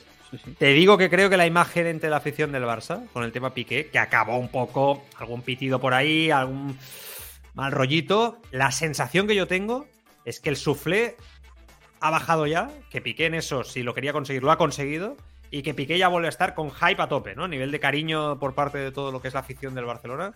Por lo menos la, la sensación que, que tengo. Y con todo Sí. este tema de la Kings League, que hoy es- están haciendo el, el draft, ahora empieza en nada. Eh, ostras, yo creo que también, ¿no? La gente joven también está a tope con Piqué y que está muy chulo la Kings League, ¿eh? Yo lo estoy siguiendo, está, está muy guapo, ¿eh? La verdad es que nos lo vamos a perseguir bien. Y vamos a ir comentando cositas aquí en el tribuna también. Pero, pero sí que es verdad que, bueno, al final. Hostia, no sé, yo la sensación que tengo es que ha hecho las paces un poco con, con el entorno Porque supo ¿no? irse, Perdonando ¿eh? la pasta, todo, ¿no? La- la- lo, lo importante en la vida que es saber irse es, es bestial, ¿no? Para, para ciertas situaciones. Y, y Piqué estaba en el límite, límite, límite, pero lo supo ver. Si hubiera, seguramente incluso si hubiera acabado la temporada, a lo mejor no hubiera sido tan fácil su adiós. A lo mejor sí, ¿eh? Yo sé suponer, No, pero, no creo, Carlos. pero el, el- el hecho, el gesto que él hizo, ¿no? De decir, de una Sí. semana para otra me retiro, mm, yo creo que es algo inédito prácticamente en el mundo del fútbol. Sí, y menos sí, en una leyenda como Piqué. Totalmente. Y eso ha calado muy bien, ha caído muy bien. Una persona muy, muy diferente. De seguida per aquí el David Bernabé, però Carlos, antes, eh, ara tocarem altres temes. Eh? Hem d'acabar d'escoltar un altre tall d'Eric Garcia que parla de Leo Messi, vull comentar-ho amb, el, amb el David. Hem de parlar del futur de Leo Messi, molt vinculat al, al, al Paris Saint-Germain de forma clara, ja jo crec que hi manifesta no? per part de diferents eh, eh, fonts i clarament el tema de Sergio Busquets, que a més el David va donar informacions interessants la, la setmana passada al, al respecte. Víctor Font ha parlat a La Vanguardia, jo crec que ha estat molt clar. Hi ha algun tall per aquí de les últimes hores de Pep Guardiola, parlant de l'estil. Jo crec que si hem de comentar amb algú és amb segurament el millor defensor de l'entorn Barça del que és l'estil pur, que és David Bernabéu, eh, i ho dic tal, tal com ho sento, i a més crec que, que ho fa sempre amb un, amb un criteri extraordinari. I a partir d'aquí, preguntar-te pel fitxatge de les últimes hores, perquè el Liverpool, del Carlos, ja sabeu que és el Madrid, i del Liverpool, sempre ho diem, perquè sent els dos, que és una cosa que a mi em va cridar molt l'atenció quan vaig conèixer el Carlos, dic, este tío siente igual al Liverpool que, que a su equipo, ¿no? Eh, digamos, natal, no nativo, ¿no? De alguna manera, y, y me flipó. Eh, bueno, pues ha fet el moviment. De moment s'han portat a un dels davanters revelació del Mundial de Qatar 2022, el neerlandès eh, Cody Gakpo, tres gols en cinc partits de la Copa del Món, quan semblava que el futbolista de només 23 anys eh, posaria rum al Manchester United, ja el dilluns al vespre el PSV Eindhoven va fer oficial el traspàs del seu capital al conjunt d'Anfield Road per 42 milions d'euros fixos i 14 variables, segons el periodista Fabrizio Romano. Es converteix així en la venda més quantiosa de l'equip de la Philips i en una operació extraordinària. Recordem que és un jugador impressionant, acumulava uns registres d'escàndol, 13 gols i 17 assistències, Pichichi en solitari de l'Eredivisie, amb 9 dianes... Bueno, és un jugador molt, molt bo, reforça la davantera d'un Liverpool, que no ens, eh, no ens enganyem, ha començat francament la- malament la temporada els primers tres mesos, pero claro, yo creo que esto es un dardo para Núñez importante, ¿eh? Sí, fíjate, yo, yo incluso te diría que corrige un poco más eh, la marcha de Mané, porque no, se, no tenía mucho Bueno, sentido sí. para el Liverpool sustituir a Mané con Darwin Núñez, desde el punto de vista futbolístico, sí por goles, ¿no? Quizá por la, por la aportación, porque Luis Díaz, que fue el fichaje de- del Liverpool en el mercado de invierno pasado, es un jugador que yo creo que cambió claramente la temporada del Liverpool el año pasado, ¿no? Es es el que acabó catapultando al equipo casi conseguir un, un cuádruple que habría sido histórico si lo hubiera conseguido el Liverpool, pero eh, le falta gol, ¿no? A Luis Díaz, por ejemplo, ¿no? Y entonces Luis Díaz como jugador de banda que aportara gol se te quedaba corto. Darwin Núñez es un goleador que no está metiendo goles, por cierto, pero no te aportaba tanto en cuanto a lo que es la construcción del juego como Sadio Mané. Gakpo, a priori, es el missing link, ¿no? Que se dice allí. Es un poco la, la pieza que, que une las dos cosas, el híbrido. Es, yo creo un poco como lo ve tanto Klopp como Pep Linders, que por cierto dicen que es el gran valedor de fichaje, el segundo entrenador del Liverpool. Y a partir de ahí, pues a, a ver si la, si la apuesta le sale bien. Para mí es. eh, No es un jugador que me entre por los ojos, Gakpo. A mí no me gusta tanto como a la, como a la gente, pero sí que por perfil se parece más a Mané, ¿no? En ese sentido, que, que no tanto a Darwin Núñez, ¿no? Como, como en su momento Luis Díaz. Dicho esto, lo de Darwin Núñez, yo sé que allí en Inglaterra hay mucha broma y tal. Es un jugador que a, a Klopp siento que de verdad le gusta, pero es que yo no le veo en este Liverpool, no le veo en el, en el registro de Klopp. No, no creo que nunca vaya a ser un Mohamed Salah, un Sadio Mané, un, un fichaje redondo ja, en ja. ese sentido. A mi, a mi m'agrada, eh? Jo, jo t'ho he dit moltes vegades, a mi és un jugador que, que m'agrada. Crec que té caràcter, que té lideratge en aquest sentit. Vull dir, té No, això Sí, sí. Però bueno, les coses no li estan sortint bé, això és innegable. Hi havia la gran comparació de Núñez-Haaland, no? quan van arribar un al City i l'altre al Liverpool. Al principi, no? Ostres, al principi de temporada Eh, sí que Núñez va marcar aquell gol, me recordo al principi, ¿no? També Haaland li va... va... Hay que decir que antes del Mundial, eh, Núñez estuvo como tres o cuatro partidos seguidos marcando. Es decir, había cogido el ritmo. El Mundial yo creo que le ha venido muy mal porque ha hecho un Mundial horrible, eh, Darwin Núñez. Y ahora Sí. ya el primer partido también con el Liverpool, los dos primeros contra el City en la Copa de la Liga y, y ayer contra no, el Vila. no, no te lo puedo defender. Tampoco, Es eh. otra cosa. No te puedo defender absolutamente nada. Bueno, anem trucant al David Bernabéu, que, que de seguida estarà, estarà amb nosaltres al, al Tribuna Marca per comentar, evidentment, la- l'actualitat. La, eh, li vull treure també al David un article que va escriure molt interessant al, al, diari, al diari Sport eh, a les últimes hores sobre aquesta entrevista que li va fer l'Ivan Sant Antonio a Robert eh, Lewandowski, molt interessant i que, i que de nou parla no, molt bé per part d'un jugador, Lewandowski, que és, és extraordinari. Vull dir, jo crec que no només com a fitxatge a nivell futbolístic, eh, a nivell de, dins del terreny de joc, sinó sobretot també a, a fora d'ell. No? Un, un futbolista amb una capacitat que segurament feia molts anys que no tenia el Barça en un jugador estrella, perquè és veritat que el Barça ha viscut en l'etapa Ronaldinho amb un lideratge dins del terreny de joc, amb un jugador com, en aquest cas, Leo Messi, amb un lideratge diferent. Ara sí que he vist en Leo Messi un pas endavant, no? Eh, precisament en aquest, eh, en aquest lideratge potser més actiu, més comunicatiu, eh, als, últims, eh, als últims temps, però és veritat que un jugador que ho tingui tot, que sigui decisiu a dins del terreny de joc i també fora amb el, amb el missatge com, com té Lewandowski, ostres, això sí que potser no... Feia molts anys eh, que no li veia en aquest sentit el, el Futbol Club eh, Barcelona d'una forma, d'una forma tan clara. Per tant, fem ràpida pausa... No, no està, està per aquí el David? Va, està, està, ja, està ja per aquí el, el David i anava a fer ràpida pausa, però no el vull fer, no el vull fer, no, no el vull fer esperar. David Bernabéu, què tal, company? Com estàs? Bona tarda. Què tal? Què tal, Joan? Bona tarda. Mm, bones festes, David. No, no t'ho havia pogut dir, però ja que estem, aprofitem. Bones festes. Estàs de vacances aquests dies? Descanses o, o no? Ja a tope, com sempre. Uh, bo- bones festes, eh? Bones festes. Bones festes. això, això per començar. No, sí, sí, estic, estic descansant uns dies, sí. Estic descansant Vale. uns dies, segurament... Va, pendent del derbi, evidentment, al cap de setmana, i després Ah. ja uh, tornaré segurament amb la, amb la sessió d'entrenament de portes obertes al Barça el dia 2. Molt bé, fantàstic. Bueno, Mm. doncs gràcies per atendre'ns, llavors. Um, Bueno. Escolta una cosa, estava, estava esmentant el teu article al, al Diari Sport de les últimes hores, Sí. eh, que l'he llegit aquest matí, parlant una mica de? Lewandowski, que és molt, molt, m'agrada molt, marca el camí a nivell de lideratge. I estava dient jo, és que realment un jugador que tingui aquesta capacitat de lideratge a dins de la gespa, no? I a sobre fora, el Barça feia molts anys que no, que no el tenia, eh, perquè Messi tenia un altre perfil, per exemple, de lideratge, no? I, i és cert que, que és un perfil diferent i que m'ha semblat molt encertat. Eh, Segurament és l'exemple o el mirall per on mirar-se en un Barça que volem que es construeixi pel futur, no? Sí, sí, sí. Uh, sí segurament quan, quan va venir Lewandowski, uh, no, doncs molts, molts culers doncs, haurien pensat, home, si el Barça estigués en una situació econòmica normal, doncs molts haguessin preferit que hagués vingut Haaland, per exemple, no? en lloc de Lewandowski. Sí, sí. I jo crec que pel moment que està vivint el Barça, Lewandowski és més adient. Eh, evidentment, eh, clar, ho, ho dic, eh, ho dic amb, o sigui, ho dic sabent que segurament doncs, podies, podies fer Lewandowski, no podies fer Haaland, no? Perquè Haaland és un jugador que si fitxes doncs el tindràs aquí 10, 12 anys, eh, 13, el que sigui, no? Eh, és, és un dels grans davanters del futur.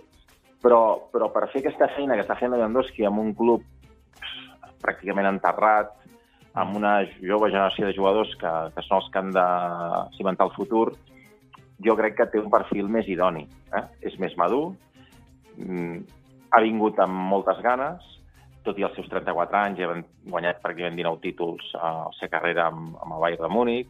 Eh, és a dir, i, i a part, jo crec que té aquesta ascendència per l'experiència que té, per la maduresa i la capacitat que té, té, té l'ascendència que segurament no tindria Haaland per fer aquesta feina. Clar. Tutelar una mica tots aquests joves, donar consells, etc.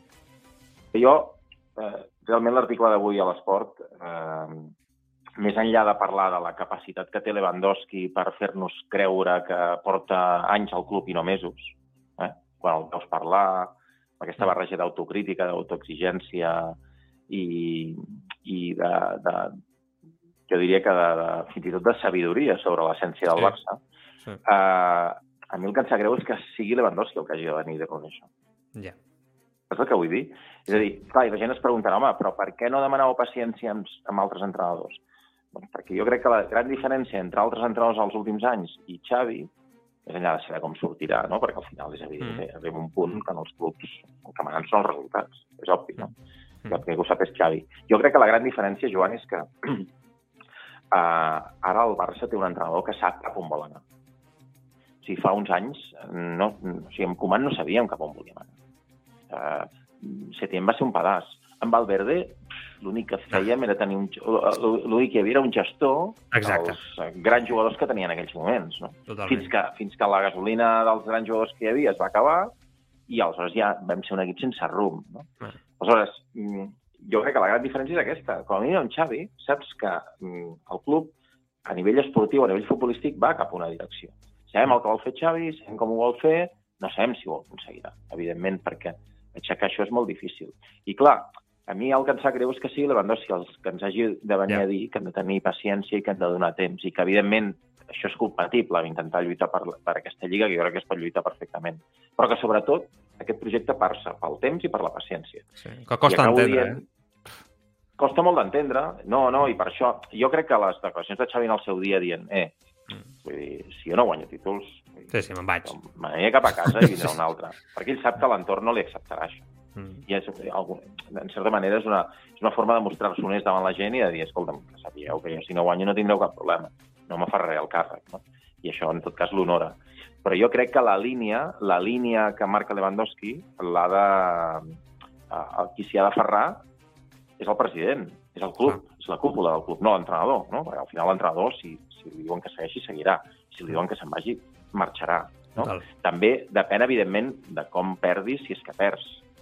Ah, vull dir, si quedes a no sé quants punts del segon, o sigui, del primer, si tornes a fer el ridícul a l'Europa League, si ara vas a la Supercopa i no arribes ni, ni tan sols a la final, poso per exemple, doncs és una cosa. Jo crec que El hem d'avaluar com també és si l'equip creix, si l'equip competeix, si, Clar. si l'equip realment eh, es mastega suficient com per pensar que l'any que ve, en cas de que aquest any no hi haguessin títols, doncs es pot guanyar, això és evident, no? Però, Mm. eh, ostres, eh, que ens hagi de venir a dir això a Lewandowski, eh, vull dir, a mi em sembla, a mi em sembla trist, perquè paral·lelament en fòrums que jo crec que tinc la sensació que coneixen molt millor la història del Barça que Lewandowski, que saben, Sí. han costat processos que han acabat amb èxit, però que han estat llargs i difícils, i que no s'ha guanyat de seguida, doncs, mentrestant anem, a- anem fent enquestes doncs, sobre si Xavi ha de seguir o no, si no es guanyen títols, i no hem començat ni al mes de gener. Imagina't la pressió que això I, genera. Clar, hi ha de venir Lewandowski a dir-nos, no, no, perdoneu, és que jo he vist el Barça els últims anys al fang. A marcar el missatge. El fang. Sí, sí. Llavors, clar, llavors jo l'he vist al fang i ara volem que en quatre mesos tinguem un equip campió i dominar totes les fases del joc, és impossible. sí, sí. ens, ho ha de dir, eh, ens ho ha de venir a dir Lewandowski. Per això jo feia la reflexió de dir, escolta, que la Lliga és molt important i, com deia Xavi l'altre dia a l'entrevista a Barça TV, la Lliga, si es guanya, donarà estabilitat perquè al final els projectes creixen Clar. millor si els resultats acompanyen. Això és evident, Lògic. no? Sí, sí. Però per mi, per mi el que dona estabilitat és el temps. Sí, sí. I, I que la gent ho entengui. de Clar, o, sigui, el temps de dir de que el club et dongui temps, de que el club Clar. traslladi, a la, traslladi als seus aficionats Sí, de que, perdoneu, perdoneu, El missatge, el el missatge. primer que vull guanyar sóc jo, però és que venim d'això, ho enteneu o no? Sí, sí. I això és futbol, i és molt El difícil. I a més a més, i a més a més una altra cosa molt important, Joan, que en aquests Mm. moments el Barça és un club que vol fer un equip guanyador sense tenir el poder adquisitiu que tenia. Sí, sí. És una contradicció, en certa manera, eh? Home, Joan, escolta'm una cosa. Al Barça, els grans equips de la història del club han tingut un 60, un 70% de gent del planter molt important, d'acord? Però sobretot, sobretot, eh, el Barça, en tots aquests grans equips, s'ha farcit d'alguns dels millors jugadors del món. I per què els Sí, tenia? Perquè els podien a fitxar. Després pot passar que els vagis a fitxar i gastis 80, 100, 120, com ha passat amb Dembélé, Coutinho i Griezmann, i no et marquin la diferència, d'acord? Però l'últim gran any de la història del club és el 2015, que es fa el triple, i tens a dalt. Messi, eh, Neymar, Suárez. Suárez, sí. I Messi caigut del cel, no? D'acord, fa 17 anys, perfecte, però eh, a Neymar el vas anar a buscar, evidentment, per molts diners dels que es va explicar en el seu moment, i a Suárez el fitxes amb 27 anys per 80 quilos. Tu ara aquest poder adquisitiu no el tens. No el tens, eh, no? T'estàs ha movent canviat. en una altra lliga, t'estàs movent en un altre mercat, però els teus seguidors t'exigeixen que segueixis guanyant la Però això és perquè no ets clar amb el missatge. Si fossis clar, això Clar, seria diferent. Clar, perquè tu, perquè tu... Bueno, i ara el club, sota el meu punt de vista, ha racionalitzat el discurs. Eh, O sigui, l'ha ajustat, no? Ara ja no... Ara, ara ens hem adonat que igual això no ens va per la Champions, tot Clar. i que segurament tots pensant que podíem passar a la fase de grups d'acord, però has tingut un parell de baixes importants i t'has fotut un, un, un, una patacada i, i t'has anat cap a- eh, d'altabàs, d'acord? Però, mm, però ara, ara ja estem dient que la prioritat és la Lliga, però a l'estiu no era aquest el discurs. sí, sí. Tu és que teníem un equip per lluitar per tot. Aquí, aquest va ser el que gran error que- de l'expectativa, no? Clar, clar. Llavors... Però per això l'altre dia, quan la Porta diu allò de les expectatives, David, no, no s'han de generar faltes expectatives amb Messi, no? parlava de Messi en aquest cas, jo he pensat, hòstia, sí, Sí. però és que això, aquest discurs també te l'has d'aplicar tu com a president, vull dir, en aquest Perquè sentit. hi ha prou dificultats, perquè hi ha prou dificultats tens tu ara per, per poder construir un equip Ah. guanyador o un equip que Ah. estigui al nivell dels grans clubs Per d'Europa. posar-te pressió a sobre. Clar, No ens engany... Perquè, clar, quan dic que vens del fang és que vens de dos anys de jugar a Europa League. Sí, sí. Sense Messi, dos anys sense, jugar, sense poder jugar. Dramàtic. Sense poder, sense poder tenir... Eh, o sigui, sense, sense poder mantenir-te a la Champions. Mm.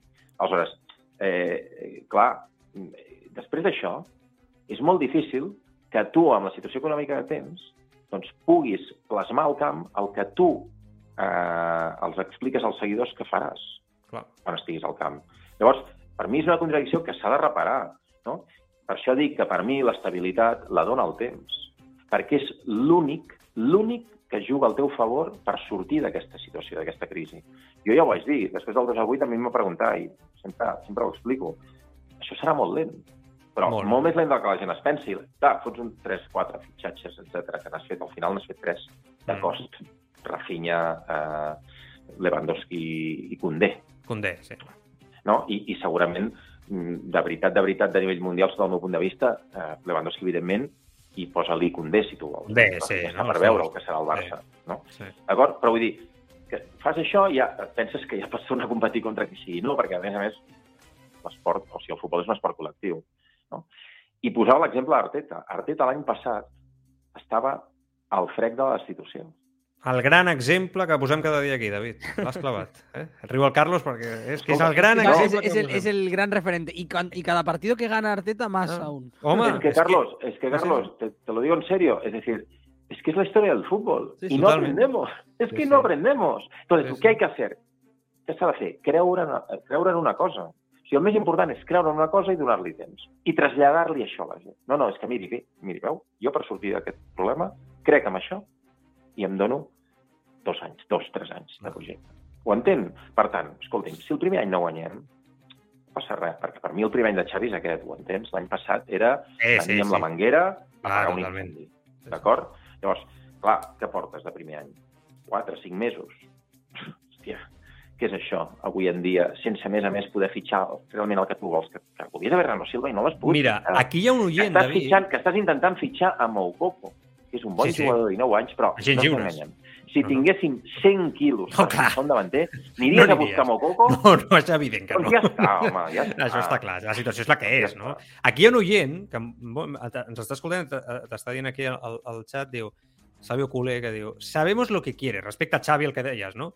El problema es que no sabe aplicarlo. No sé si será porque está verde o porque aunque sabe mucho de fútbol, no tiene nivel para ser entrenador del Barça. Jo t'he de dir que nosaltres portem un mes que missatges com aquest al programa estem rebent moltíssims, amb molts dubtes respecte a la figura de Xavi, David. Sí, sí, però saps què passa? Que jo... Potser són els anys, eh? Segurament siguin els anys. Però jo aquesta pel·lícula Perspectiva. ja l'he vist. Ja l'he vist, aquesta pel·lícula. Ho entens o no? Ja. Això, és com, això és com quan es perd que el missatge sempre és el mateix. És que el futbol avança cap a una altra direcció. El Ja. futbol és més físic.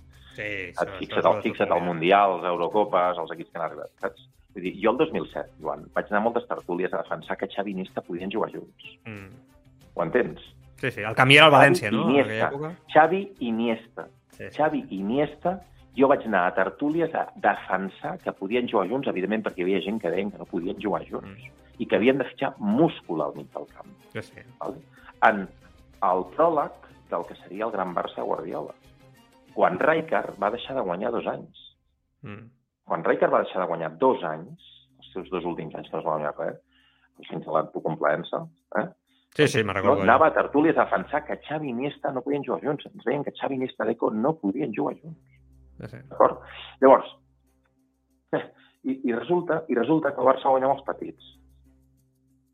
La gent em dirà, ah, sí, sí, Touré, Yaya i Keita. Eren residuals, o sigui, residuals. Touré va ser important el primer any al PES, Primer any, sí. després ja no tant, vale? per mi era molt bo, clar, la gent Molt. em, em fot aquest exemple com si fossin troncs. Yaya i Keita. Jo sempre dic que un peu, que un peu, mig peu de Yaya i Keita em foten mil No, home, de titulars de- ara mateix al de, Barça. Paulinho, de, de. Paulinho i de... Clar, i de, no tenen res a veure. És que aquest és el problema, Vidal. confondre el concepte d'aquest estil de jugador. Clar, que aquests tios, aquests tios els dones la bola, en tenien el joc, Res a veure, pilotes... No són que Són sí. molt bons, Entenem-nos. Però No no, van ser mai titulars indiscutibles. No. És a dir, al El final recurs. acabes, acabes, guanyant la, acabes guanyant tots aquests títols amb Busquets, Xavi i Iniesta, Sí, sí, sí. m'entens? I amb Pedritos i amb Villas, que no eren tios de dos metres. sí, sí.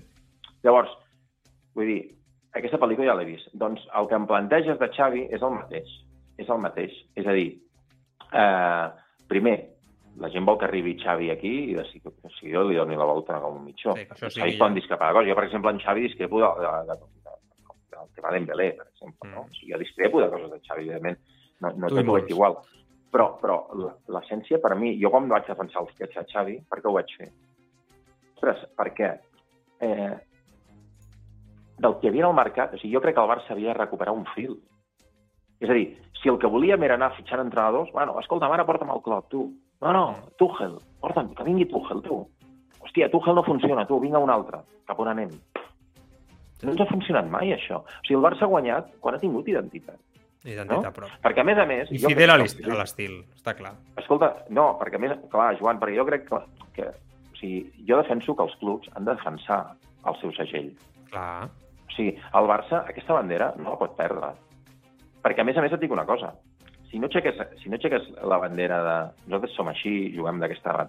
O sigui, juguem d'aquesta determinada manera, no hi ha un partit en què ens repleguem, nosaltres volem ser protagonistes, volem dominar el joc, volem tenir la pilota, evidentment, amb els matisos corresponents a cada partit que ens permetin tenir profunditat. És a dir, Clar. i no anem a fer cada partit el que va fer Espanya contra Marroc, entens? No, no. Contra mil passes... no caure en la possessió sense sentit, no?, que es diu. Clar, però és que això no ho vol ningú. És que els, els que defensem aquesta manera de jugar no ho volem. Això és, un, això és una, una argúcia que utilitzen els que volen enfonsar, que atacar-nos. o, o, o, volen desprestigiar aqu- aquesta Ah. manera de jugar, mm, doncs, eh, per donar-li la volta. Però Ah, nosaltres no defensem això, d'acord?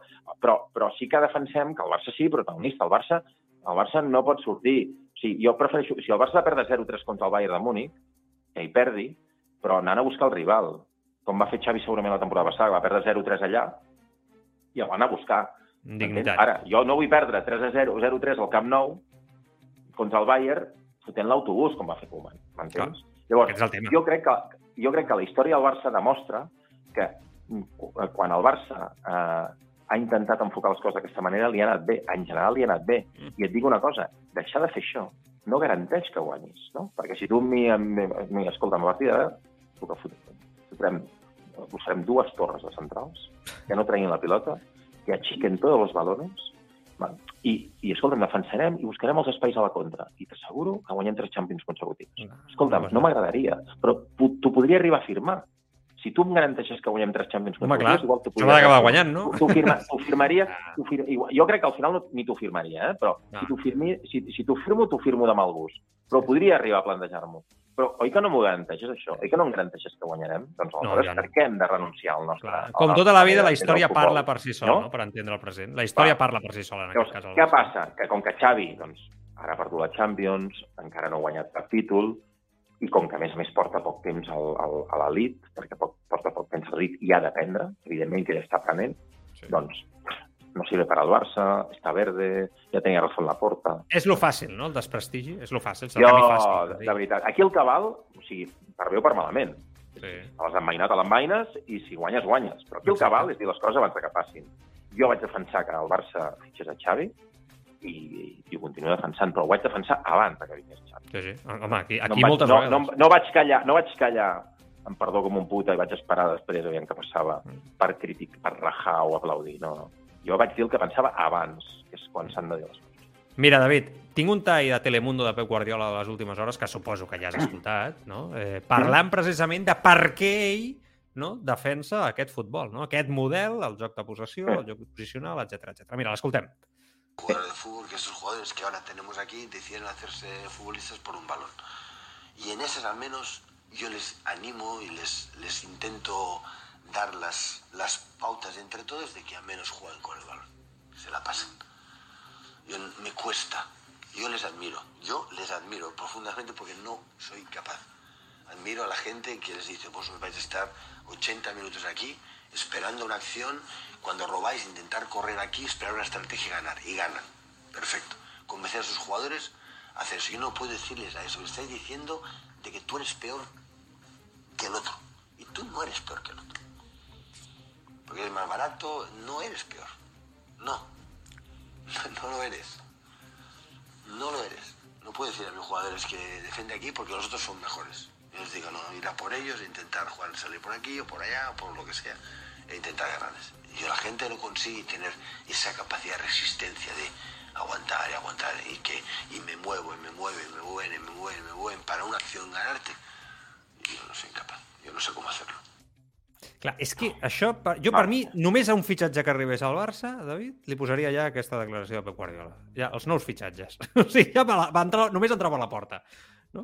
És poesia, brutal per el document, eh? És És brutal, brutal sí, el sí. document. És brutal. És acollonant. Hi ha gent, hi ha gent que això no ho veu o t'ho critica. No ho entenc. No ho entenc. Escolta'm, i, i a més, ens, en, o sigui, li fan creure, li fan creure la gent, o sigui, el discurs que utilitzen és que els que defensem aquesta manera de jugar no respectem les altres. No, no té res a Que veure. això, és- que això és el més trist. O sigui, a, a, o sigui, el pensament únic, el pensament únic neix de la ràbia que fa que jugant d'aquesta manera, tenint la pilota, vale? I fent espectacle. Va venir un tio i va trincar 14 de 18 títols en 4 anys. No la vas veure passar. Això és el que més mal fa, va fer. Guardiola, des de que se'n va anar del Barça, juga contra això. Sí, sí. Juga contra la gent que espera que perdi un dia per matar-lo.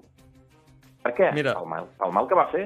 Hi ha El molts missatges, eh, David, però és que no em vull deixar... Hi ha molts interessants i, i com avui et tenim aquí, eh, et vull aprofitar, et vull aprofitar Sí, sí, sí. perquè Tot el contestis al, al, necessitis. algun, de, algun dels oients, eh, perquè a més sempre fan no, eh, comentaris tècnics molt, molt assenyats, per exemple el Palala 777 que diu sí, David, totalmente de acuerdo contigo, pero ¿de qué te sirve hablar de ese estilo de juego si después el entrenador plasma otra cosa distinta jugando con extremos abiertos y interiores muy adelantados, consiguiendo un espacio enorme entre línies i perdiendo la fortaleza del centro del campo. Aquest missatge també el rebem molt, no? Molta gent que diu, sí, sí, sí, jo compro l'estil, però és que Xavi no l'està practicant.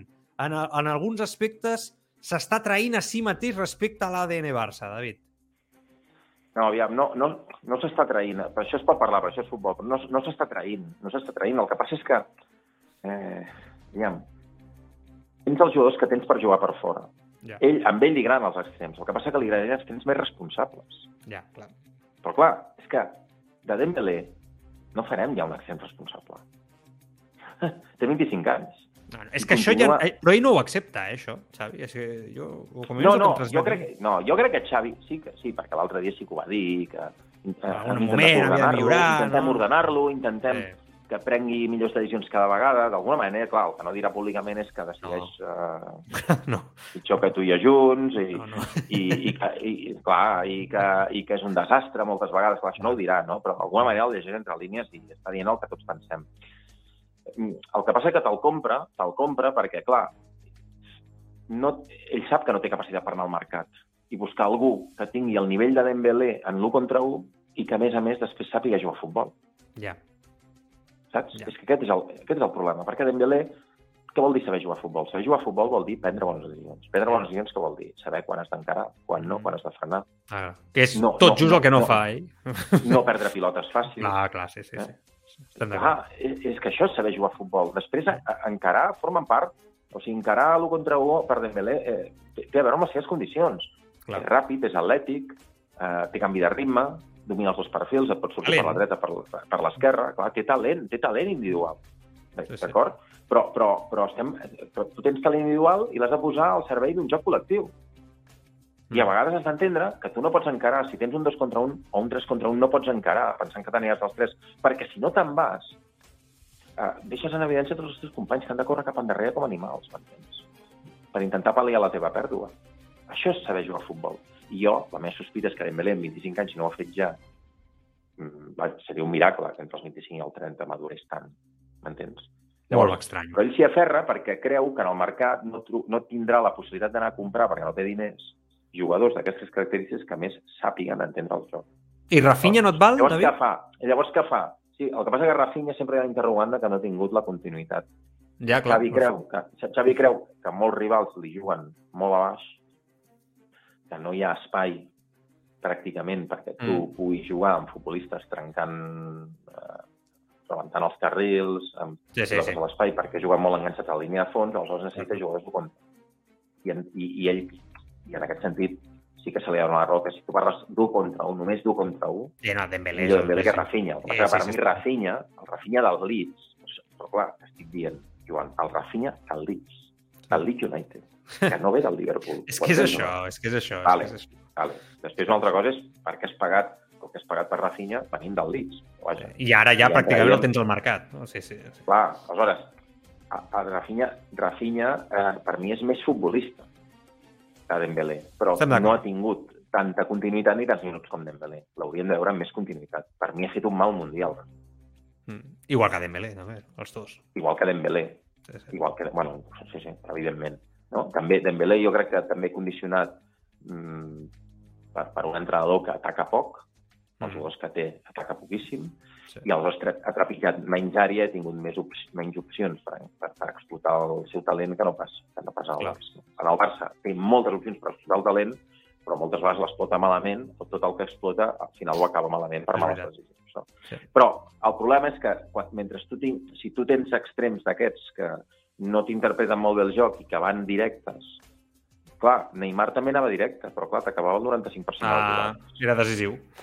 I Messi quan corria a l'espai, clar, és tan Ah. intel·ligent que sabia quan havia de córrer a l'espai. Clar. Però és que després es posava per dins, si havia de frenar, i t'amagava la pilota com ningú. Estem parlant Però eren genis.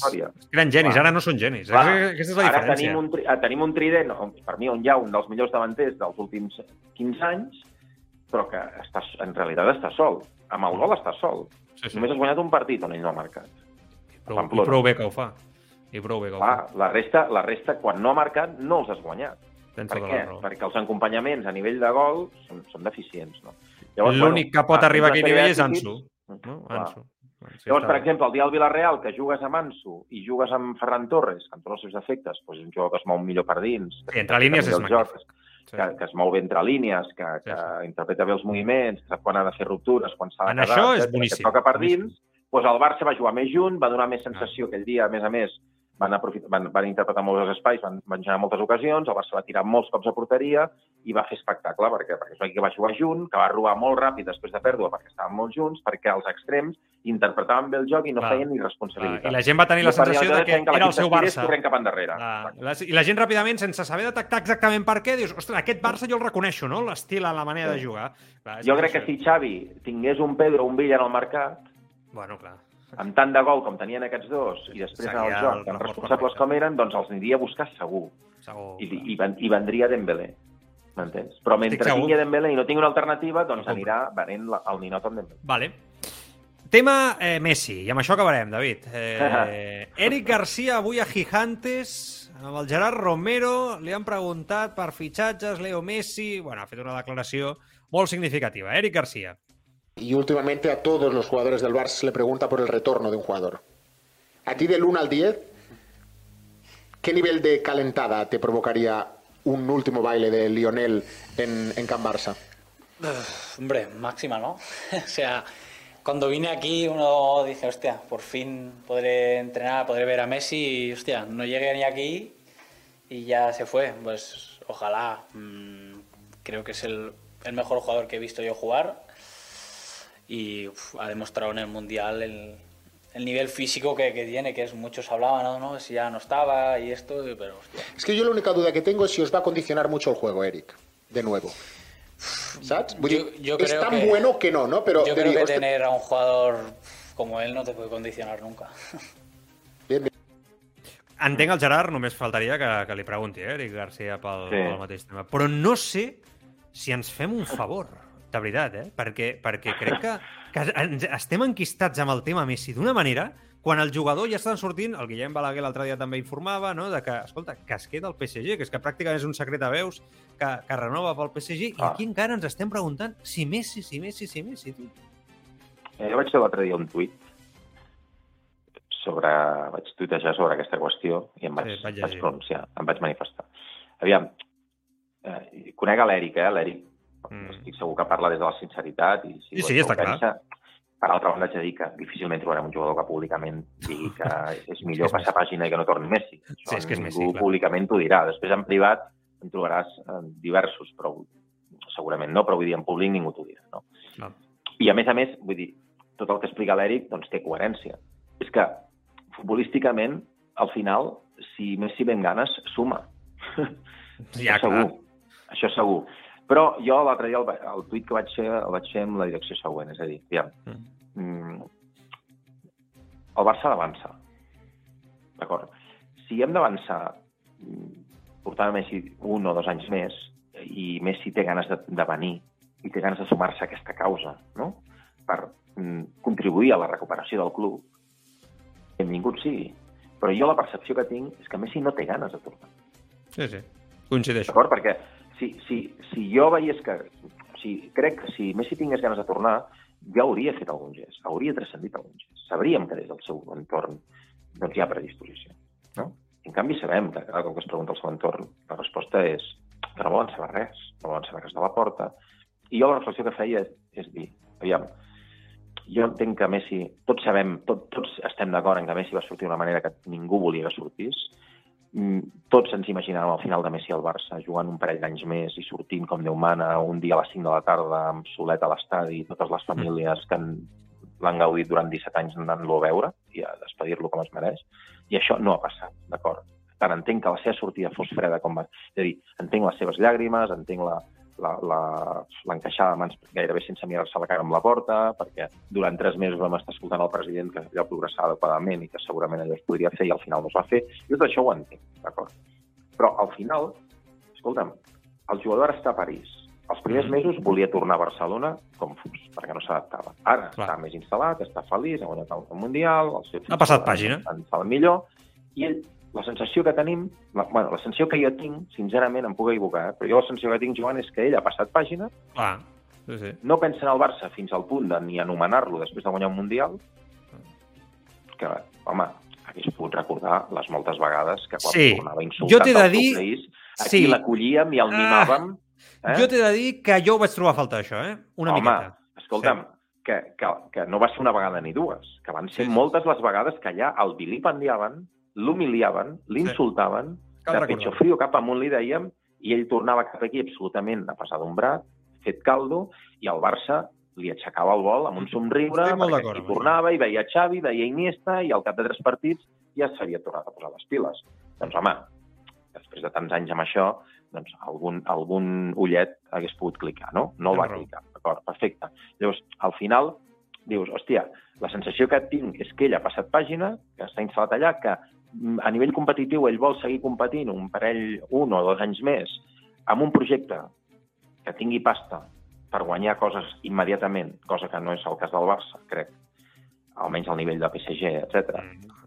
I, i eh, amb un nivell econòmic, eh, des del punt de vista de la seva fitxa important, potent, és a dir, no, no, no tinc la sensació que estigui que tingui ganes de, de venir aquí a rebre una rebaixa de fitxa als nivells que el Barça li hauria d'oferir, eh, per raons òbvies. Sí. Llavors, jo, per mi, això és absolutament respectable, però el que no pot ser és que mentre ell hagi passat pàgina, el Barça continuï fotent-se Ah, fuet que no ens fem cap bé. Ah, perquè aquest tio hagi de tornar sí o sí, o perquè Ah. el futur immediat del club torni a passar perquè Messi torni. Que Sincerament. perjudiquem una vegada. Arriba un moment que dius, escolta, tu, gràcies per tot el que has fet, vull dir, és el Clar, primer que endavant. que sortís d'una altra manera, però, noi, fins aquí hem arribat, m'entens? Sí, sí, sí. És a dir, i a part, afegir una altra reflexió. A vegades, torn... primer, tornar al Barça no és tornar amb la porta. Si tu vols tornar al Barça, tornes al Barça, que està per damunt de la porta. El Barça són els milers i milers i milers de seguidors que s'han emocionat amb tu durant tants anys Ah. veient-te com a futbolista. Tot? Això és el el conjunt, l'entorn, tot, Ah, sí. El Barça està molt per sobre de la porta, Bartomeu, fotin com ho fotin, m'entens? El Barça és el Barça, no és un president. Per tant, aquesta valoració crec que Messi l'hauria de fer. I després, escolta'm, eh, si tu, si tu eh, eh, vols tornar, coi, a vegades ha de ser també per aquest tipus de coses Sí, sí. no? Per, per coses com les que explicàvem abans, no? per coses com les que recordes que la gent et sostenia anímicament i mentalment quan tu passaves malament al país en el que ara celebres, però que abans t'insultaven. No? Llavors, si tu Valors. un club que ha estat al teu costat durant tants anys, doncs a vegades igual el gest de voler tornar ha de ser per això, no simplement perquè et puguin pagar el que tu consideres que t'han de pagar o perquè et fan una oferta que de moment no t'han fet, o simplement per anar a un club a tornar a guanyar la cinquena Champions, Molt d'acord. a la carrera. Saps? Sí, sí. Llavors, Més enllà del pel- el tema competitiu o el Ah. tema econòmic, no? Que quan tu veus que els jugadors estan en aquesta direcció i veig permanentment que el club, Estic ja sigui perquè la porta vol que vingui, perquè té un deute moral amb ell, pel que sigui, Sí, sí, perquè Messi representa el que representa, que evidentment ningú està a l'esquena del que representa Messi. Evidentment és el jugador que, el millor jugador que hem vist a la nostra vida i que segurament veurem mai més. Sens vale, d'acord. Hòstia, continues, continues, insisteixo, continues autoflagelant-te. Eh, perquè aviam quan torna Messi, doncs home, sincerament crec que hem d'anar un pas al costat i pensar amb el que tenim i amb el que podem tenir Clar. i tirar amb això.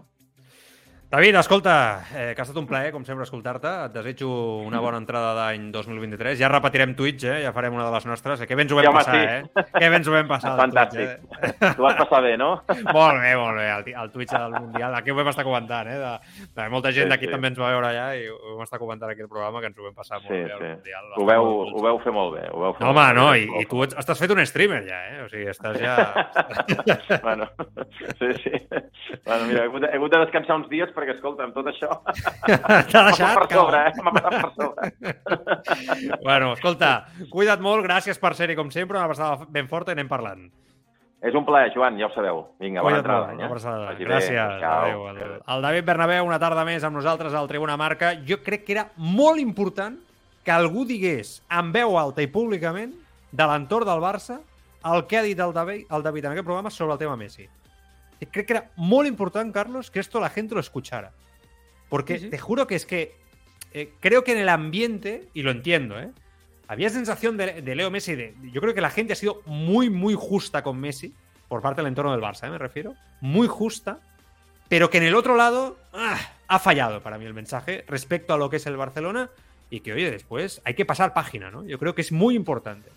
Y vivimos en días donde parece que es todo lo contrario, ¿no? Claro, es que el lo que te iba a decir, el mundial no ayuda. El mundial no ayuda y te crea una proyección de Messi que, insisto, Messi de septiembre a hoy está haciendo una temporada increíble. Sí, sí, Pero sí, Antes había estado un año muy mal. Muy mal. Eh, y ahora quiero ver físicamente cómo acusa al mundial. Ah, no nos duda. engañemos. Lo, vamos, lo va a acusar. Yo creo que lo va a acusar. Y de cabeza, por supuesto. O sea, pues, imagínate que el PSG se queda fuera en octavos de Champions en febrero. ¿Creéis que Messi va a seguir al nivel? No sé. No, no, me cuesta verlo. Me cuesta No, no, verlo. no sé, yo, yo con, la- con Messi en ese aspecto me callo porque me- me- yo creo que ahí es capaz de todo y más, ¿no? De lo que él quiera, ¿no? Eh, Depende No, de, no, de la motivación, claro. de lo que él quiera, no? Està claríssim.